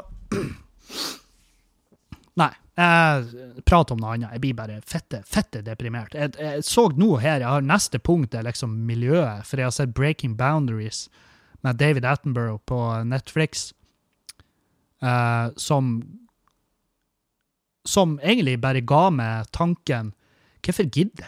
Hvorfor, hvorfor gidder vi? Hvorfor pusse opp et hus? Hvorfor gidder vi å uh, stelle i hagen? Hvorfor gidder vi å noe som helst? Hvis det, på, hvis det her er på ekte, sånn som verden er på tur utfor et fucking stup nå, så hvorfor i faen gidder man å sitte syte over penger? Når det om uh, x antall år er ikke verdt en drit. Hvor han mannen som sitter inne med to europaller med drikkeflasker med vann, han er rikeste jævelen på jord. Så, sånn her eh, Nei, jeg bare Eh, Og det er også en ting jeg merker. Det er at uh, psykisk Ikke bare på meg sjøl, men uh, selvfølgelig på, på meg sjøl så er jeg flink å merke det godt. Og dere har merka det, og, jeg, og det er jo også fordi at jeg har prata om det, at det har vært en særdeles mørk høst for min del, men det er jo selvfølgelig Økonomi er og kommer bestandig til å være det verste i hele verden. Det kommer til å være, for meg, det aller verste i hele verden resten av mitt liv. Uh, og det kommer til å være grobunn Det kommer til å være grunn til nedturer så bort i helvete. Og i høst har det vært en enorm jævla nedtur. Og jeg ser ikke noe lys i enden av tunnelen. Uh, neste år, neste mars Ja, det sa jeg! Det sa jeg til jul forrige mars. Nei, forrige Altså, det sa jeg til forrige jul. Så sa jeg mars blir faen meg det shit. Nei. Mars ble det, fucking drit. Det var da, da kjørte vi en ny runde med avlysninger. Så um, Ja. Det er, det er deilig. Det er faen meg deilig å være i livet. Og da er det jævlig greit å ha podkasten og folket på Patrion som eh, jeg kan lene meg på. Og eh, altså, uten Patrion og podkasten så har ikke vi bodd i et hus nå. Det er så enkelt, det, da. Så tusen hjertelig takk for at dere gidder. og jeg flirer fordi at dere gidder. Dere sitter jo og hører på det her jævla syte, dag ut og dag inn. Men det jeg håper, da Og det er veldig mange Jeg har sagt det sjøl, og jeg har fått uh, veldig mange meldinger som bygger opp under på det, at hele den podkasten her er jo faen meg forskning på uh, syke. For at dere har hørt meg høyt og lavt nå i over fire år. Er det ikke da? Nei. Jo, blir vel da. Jeg mener det blir fire år. Tre-fire år. Tre år. Og, og dere har hørt meg høyt og lavt, og jeg skal på et eller annet mirakuløst vis komme ut av det her òg, men eh, Men det blir ikke meg hjelp, nok en gang. Eh, jævlig typisk med å bare jeg legger ikke skylda. Altså, det, jeg har jo sittet meg sjøl i denne situasjonen. Hvis det hadde vært tømrer, så hadde jeg vært, jeg hadde vært ulidelig ulykkelig. Jeg hadde mest sannsynlig kanskje vært død. For det var jo det jeg tenkte på. Når jeg, når jeg jobba i familiebedriften på eh, Halsa i Meløy, så var det liksom Ja, altså, hver jævla dag jeg var på arbeid, var jo egentlig bare en dag eh, som jeg fikk til å gå mens jeg venta på at jeg skulle få baller nok til å ta reperen, sant? Og det Og det sier meg Det koster meg ikke en kalori å innrømme da. Og det har jeg sagt så mange ganger før. Og jeg sier ikke at det der er igjen, men jeg sier at hvis jeg noensinne klikker, får et sammenbrudd, eller ja, noe horribelt skjer, så kan jeg garantere det at det har med økonomi å gjøre. Det er altså faen meg Det er helt, det er helt jævlig å ha med økonomi å gjøre. Så det er jo min drøm. Det er jo bare å slippe. Bare å slippe å ha med økonomi å gjøre. Det er liksom drømmesituasjonen. Hvor eh, det er bare noen som tar den biten. Sånn at jeg slipper å ta stilling til det. Men sånn funka det ikke, fordi at hele jævla livet vårt, hele jævla samfunnet, hele Alt du gjør ifra du blir myndig og utover, handler om penger. Til syvende og sist. Og gud bedre det frister å bare kjøpe seg Kjøp med. Bare finn. Bare snubl over en jordflekk. Og jeg skjønner mer og mer de som bare Vet du, det her gidder ikke jeg å ta del i. Det her materialismen og alt det her at hver jævla dag du står opp, skal være et jag om å skaffe deg mer ting og tang. Som du kan sette din lit i, som du kan gå til for lykke. For et eller annet stimulanse. Sant? Jo større TV du har, jo bedre stereoanlegg du har, jo finere heim du har, jo mer gips og jo mer spakkel og jo mer maling og jo mer fancy lys, og hvis du har lysekroner til 80 000, så er du bedre enn de som har lysekroner til 40 000, og, men dere kan fortsatt møtes og flire av de som ikke har lysekroner. Og um, du føler mestring ved at du tilegner deg enorme mengder kapital, men det du ikke trenger å tenke over, er jo at en eller annen plass kommer jo de pengene ifra, men det er ikke ditt ansvar. Og, og, og det er ikke det. Og hvis jaget ditt er 100% økonomisk og materialistisk, og, og det er på ekte målet ditt, det vel og bra, men hvis du innser etter hvert at hva faen er det jeg holder på med? Hvorfor stresser jeg meg i hjel over å skaffe meg ting jeg ikke har bruk for? Eller ting som egentlig ikke betyr så mye som jeg har malt et bilde av at det gjør? Og det her er ikke meg som bagatelliserer det situasjonen jeg er i. Uh, for det huset her betyr virkelig alt for meg. Det betyr så mye for meg og Julianne, og dere som har hørt på podkasten så lenge, husker uh, hvor hvor jævlig stoka og gira og energiske var når det kom igjennom at vi fikk det her huset og hvor jævla takknemlig og hvor Og, og det, det, er vel derfor. For det her er, det er liksom vår lille krypinn. Det er her vi finner roen, og det er her vi føler oss trygge. og det er her um, Når man føler at det på en måte står i fare, så, så blir man Det er klart, det, det tar på. Og jeg merker psykisk generelt i miljøet. Jeg merker at så mange kollegaer med ja, flere av de er på ekte bekymra for. Altså som bekymra at de svarer ikke på telefon. Jeg vet ikke om de Jeg vet faktisk det, Jeg vet ikke om de lever. Og, og hvis noen har kommet og spurt meg noe, ja, lever han? Og så sier jeg Vet du, det tør jeg ikke å si. Jeg vil ikke love det noe. uh, og det er nok ikke bare i humormiljøet. Jeg tipper det er mange som begynner nå jeg tror at det er nå og utover vi skal få se uh, Og ja, fra starten av har vi jo sett den, psyko, altså den psykologiske effekten av pandemien og lockdown og alle restriksjonene og alle nye regler og vilkår for å leve osv. Hver jævla dag, hver uke. Vi har liksom Vi har levd ifra pressekonferanse til pressekonferanse for å få vite hva blir den nye måten å leve på nå, da. Og så eh, reise og gjøre flotte, svære kulturhus med lite folk i. Og spesielt når jeg vet at det her er ikke med. Det ville vært mer folk her hadde det ikke vært for. Sant? Og når det er det, når det, er det som blir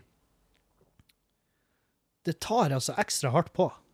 Fordi, og det- er veldig rart, egentlig, fordi at man har jo en unnskyldning der i, i pandemien som man kan legge vekta på. det. nei, det, sånn ble det av pandemien.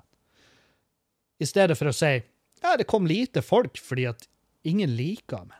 Men hvis jeg hadde reist en plass og det kom lite folk fordi at de ikke vet hvem jeg er, eller syns jeg er en artig fyr, vel, da har jeg tenkt det her må jeg jobbe med. Hvis jeg skal fortsette å gjøre standup på denne plassen, så må jeg jobbe med det. Da må jeg gå direkte inn og satse på de.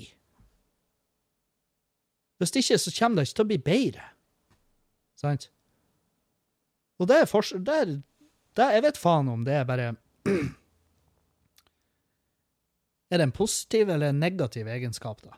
Det, det vet jeg, det kan ikke jeg si. Det, det er jo ikke opp til meg å avgjøre heller, for jeg har jo lyst til å si at det er en positiv egenskap, men Men, eh, men jeg bare syns det har vært lettere. Jeg skulle ønske vi kunne gå tilbake, men det vil jo alle. Det er jo ingen som setter seg ned nå og sier er så jævlig fornøyd med sånn som vi har det nå. Ja, kanskje hvis du jobber med salg av smittevernutstyr og eh, har gjort det millionær og milliardær på selve pandemien, da skjønner jeg godt at du setter ned og tenker fy faen, det her er det beste som kunne ha skjedd.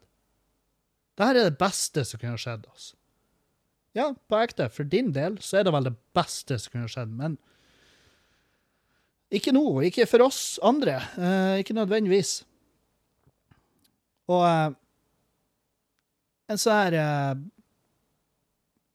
Nei, jeg vet faen. Jeg skal ikke gidde å fortsette. Jeg har sittet i to timer, ser jeg. Drit i det. Um, vi kan uh, heller bespare flere av notatene til neste gang. Men uh, tusen hjertelig takk for alle meldinger og folk som har meg på topplista. Tusen jævlig takk til alle på Patrion og dere som kommer på show. Jeg elsker dere uendelig mye. Tusen, tusen takk. Vi høres igjen i neste uke. Adjø.